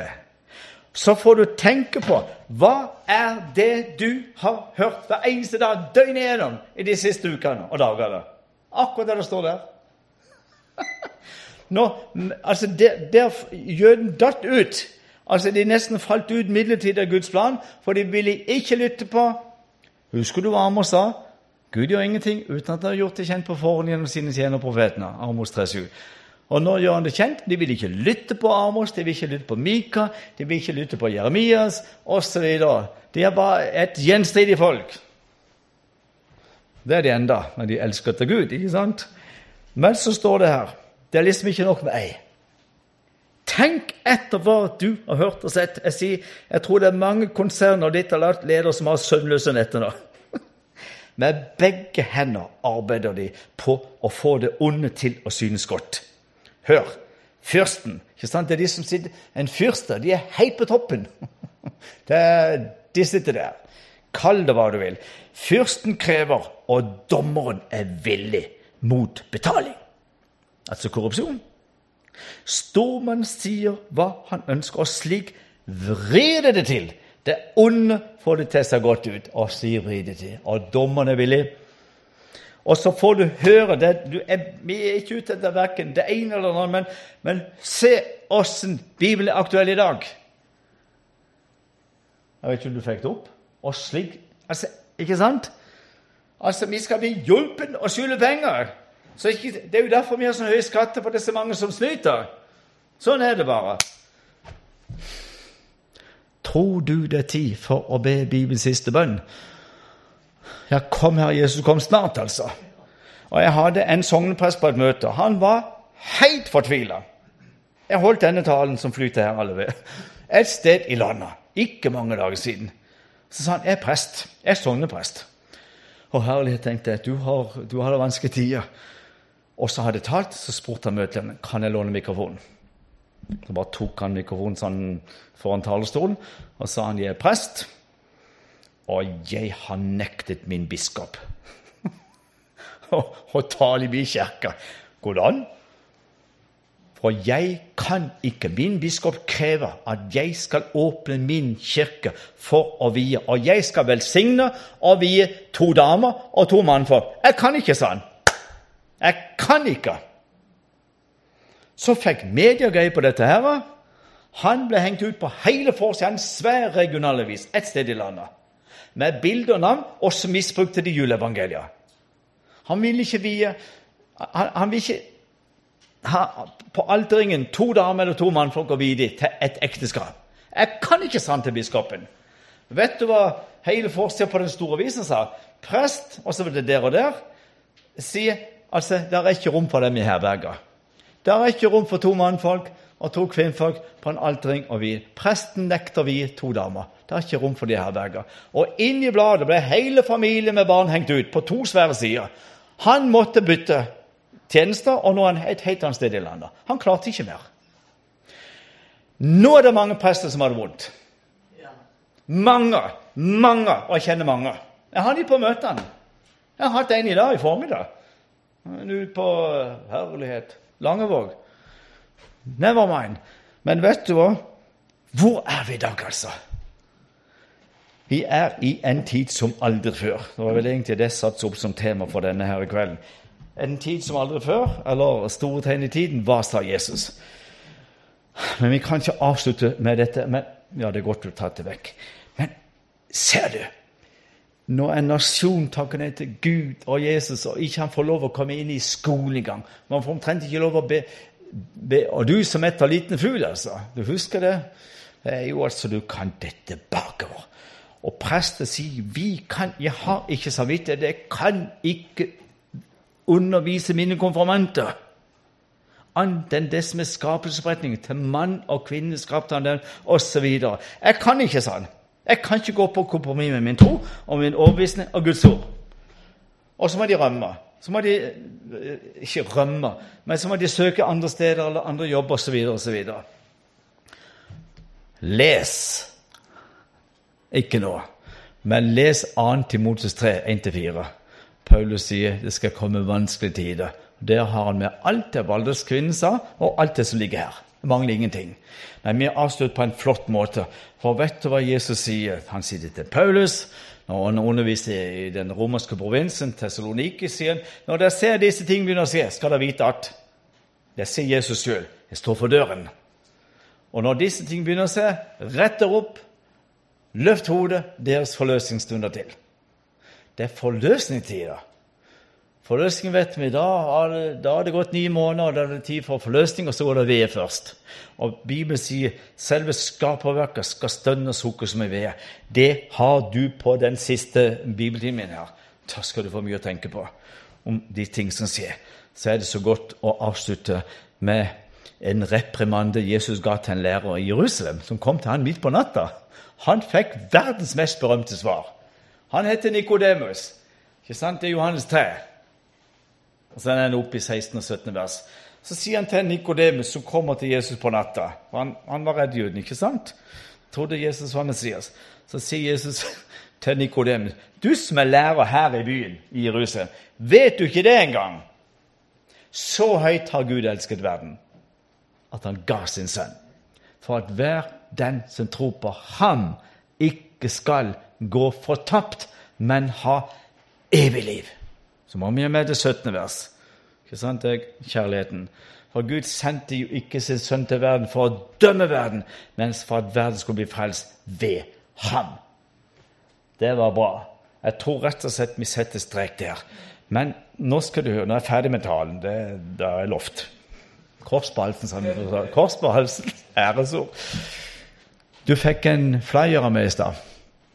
En sånn en liten lapp. Ikke sant? Med kona, så er det noen eh, sovjetrussiske messianske jøder. Og så er det kristne araber. og ja, Jeg støtter to menigheter i Israel. Den ene er Jerusalem. Og Du som er kjent i Jerusalem, er en stor menighet med 400 Jesus-troende jøder som har den flotteste utsikten over hele Jerusalem. De ser hele Jerusalem, for de har en menighet på toppen av et industribygg. Helt på toppen. Det heter Talpiot, heter det. Og der støtter 400 messianske jøder jøder som tror at Jesus er Messias, Guds sønn. Ja, sa du halleluja? Det var bra. Ja, Og vet du hva? Jeg fikk en mail av pastoren i den menigheten der disse to unge musikkgeniene går, rett før jeg la ut på denne turneen som vi er ute på nå. Og da forteller han, for jeg sender i overskudd av disse CD-ene Det blir mange hundre tusen kroner. Jeg kan få selge Bibelen for nesten en million i året. Og jeg tar 200 for albumet må jeg betale moms. Staten skal ha sitt, altså. Men altså, så får jeg et voldsomt overskudd, og det sender til menighetene. Og overskudd av kollekten i kveld. Ikke sant? Jeg har betalt Sunnmørposten, bla, bla. Det er der, sånn er det. Men vet du hva? Jeg får sendt mange hundre tusen. Og så sier pastoren Han heter Meno Kalisjer. Det er sånn russisk navn. En Jesus, flott pastor. Ekspert på Romerbrevet 11. Da forteller det meg alt. Og Galaterbrevet. Da er han klarert hos Arvid, altså. Vet du hva han sa? På grunn av at du sender så mange hundre tusen kroner til min menighet i Jerusalem, så har vi teknisk nå mulighet til å gå ut ved, i og ved og gjennom sosiale medier, og vi får tilbakemelding fra ca. 31 000 israelske i Jerusalem hver dag at de lytter på evangeliske budskap. På grunn av at du sender penger, så har vi mulighet til å gå ut over eteren, eller ikke bare eter, men på sosiale medier. ikke sant? Det er alt dette som går elektronisk. Og vi får tilbake med at ca. i snitt er utrolig 31 000 israelske jøder lytter. Har du lyst til å være med? Du er veldig, veldig velkommen. Dette er så meningsfylt. Og eh, det skal ligge veldig mye nå ut på disse her eh, nettsidene som du leser der. Men nå må vi be deg, kjære Jesus, at du hjelper oss å forstå at vi lever i ikke bare en spennende tid, men i en høyprofetisk tid. Hvis det noen gang har vært aktuelt å sette seg ned og studere disse skriftene, som Daniel gjorde, han gransket nøye. Han satt og studerte hver linje, hvert ord. Så skjønner vi at hvis det er noe vi trenger mer tid til, og anvende tid til, så er det ditt ord. Studere Skriftene, granske Skriftene. Og når vi gjør dette, så skjønner vi jo at da vil du også fylle oss med din hellige ild og ånd og varme, altså. Vi forstår alvoret. Da forstår vi å ha et kall og et ansvar overfor det jødiske folk. Inntil du kommer, Jesus, så har du kalt oss til å hjelpe dette folket på det praktiske plan, vi som har fått del i deres åndelige velsignelse. Det er budskapet som Paulus sier til Romerne 15. Så vi bare takker deg, Jesus, for at en, du har gitt oss en ny nådekveldsanledning her på Pinsekirka Elim her på Eikenos. Så takker vi for at vi får lov å være dine barn, får lov å stå i en tjeneste og oppleve disse spennende og litt skremmende tider.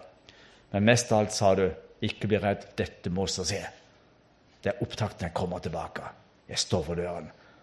Må ingen på Elim bli igjen den dag, den natt, den morgen, den kveld du kommer og henter deg. Ingen. Du må virkelig hjelpe oss at vi har olje på lampa. Amen.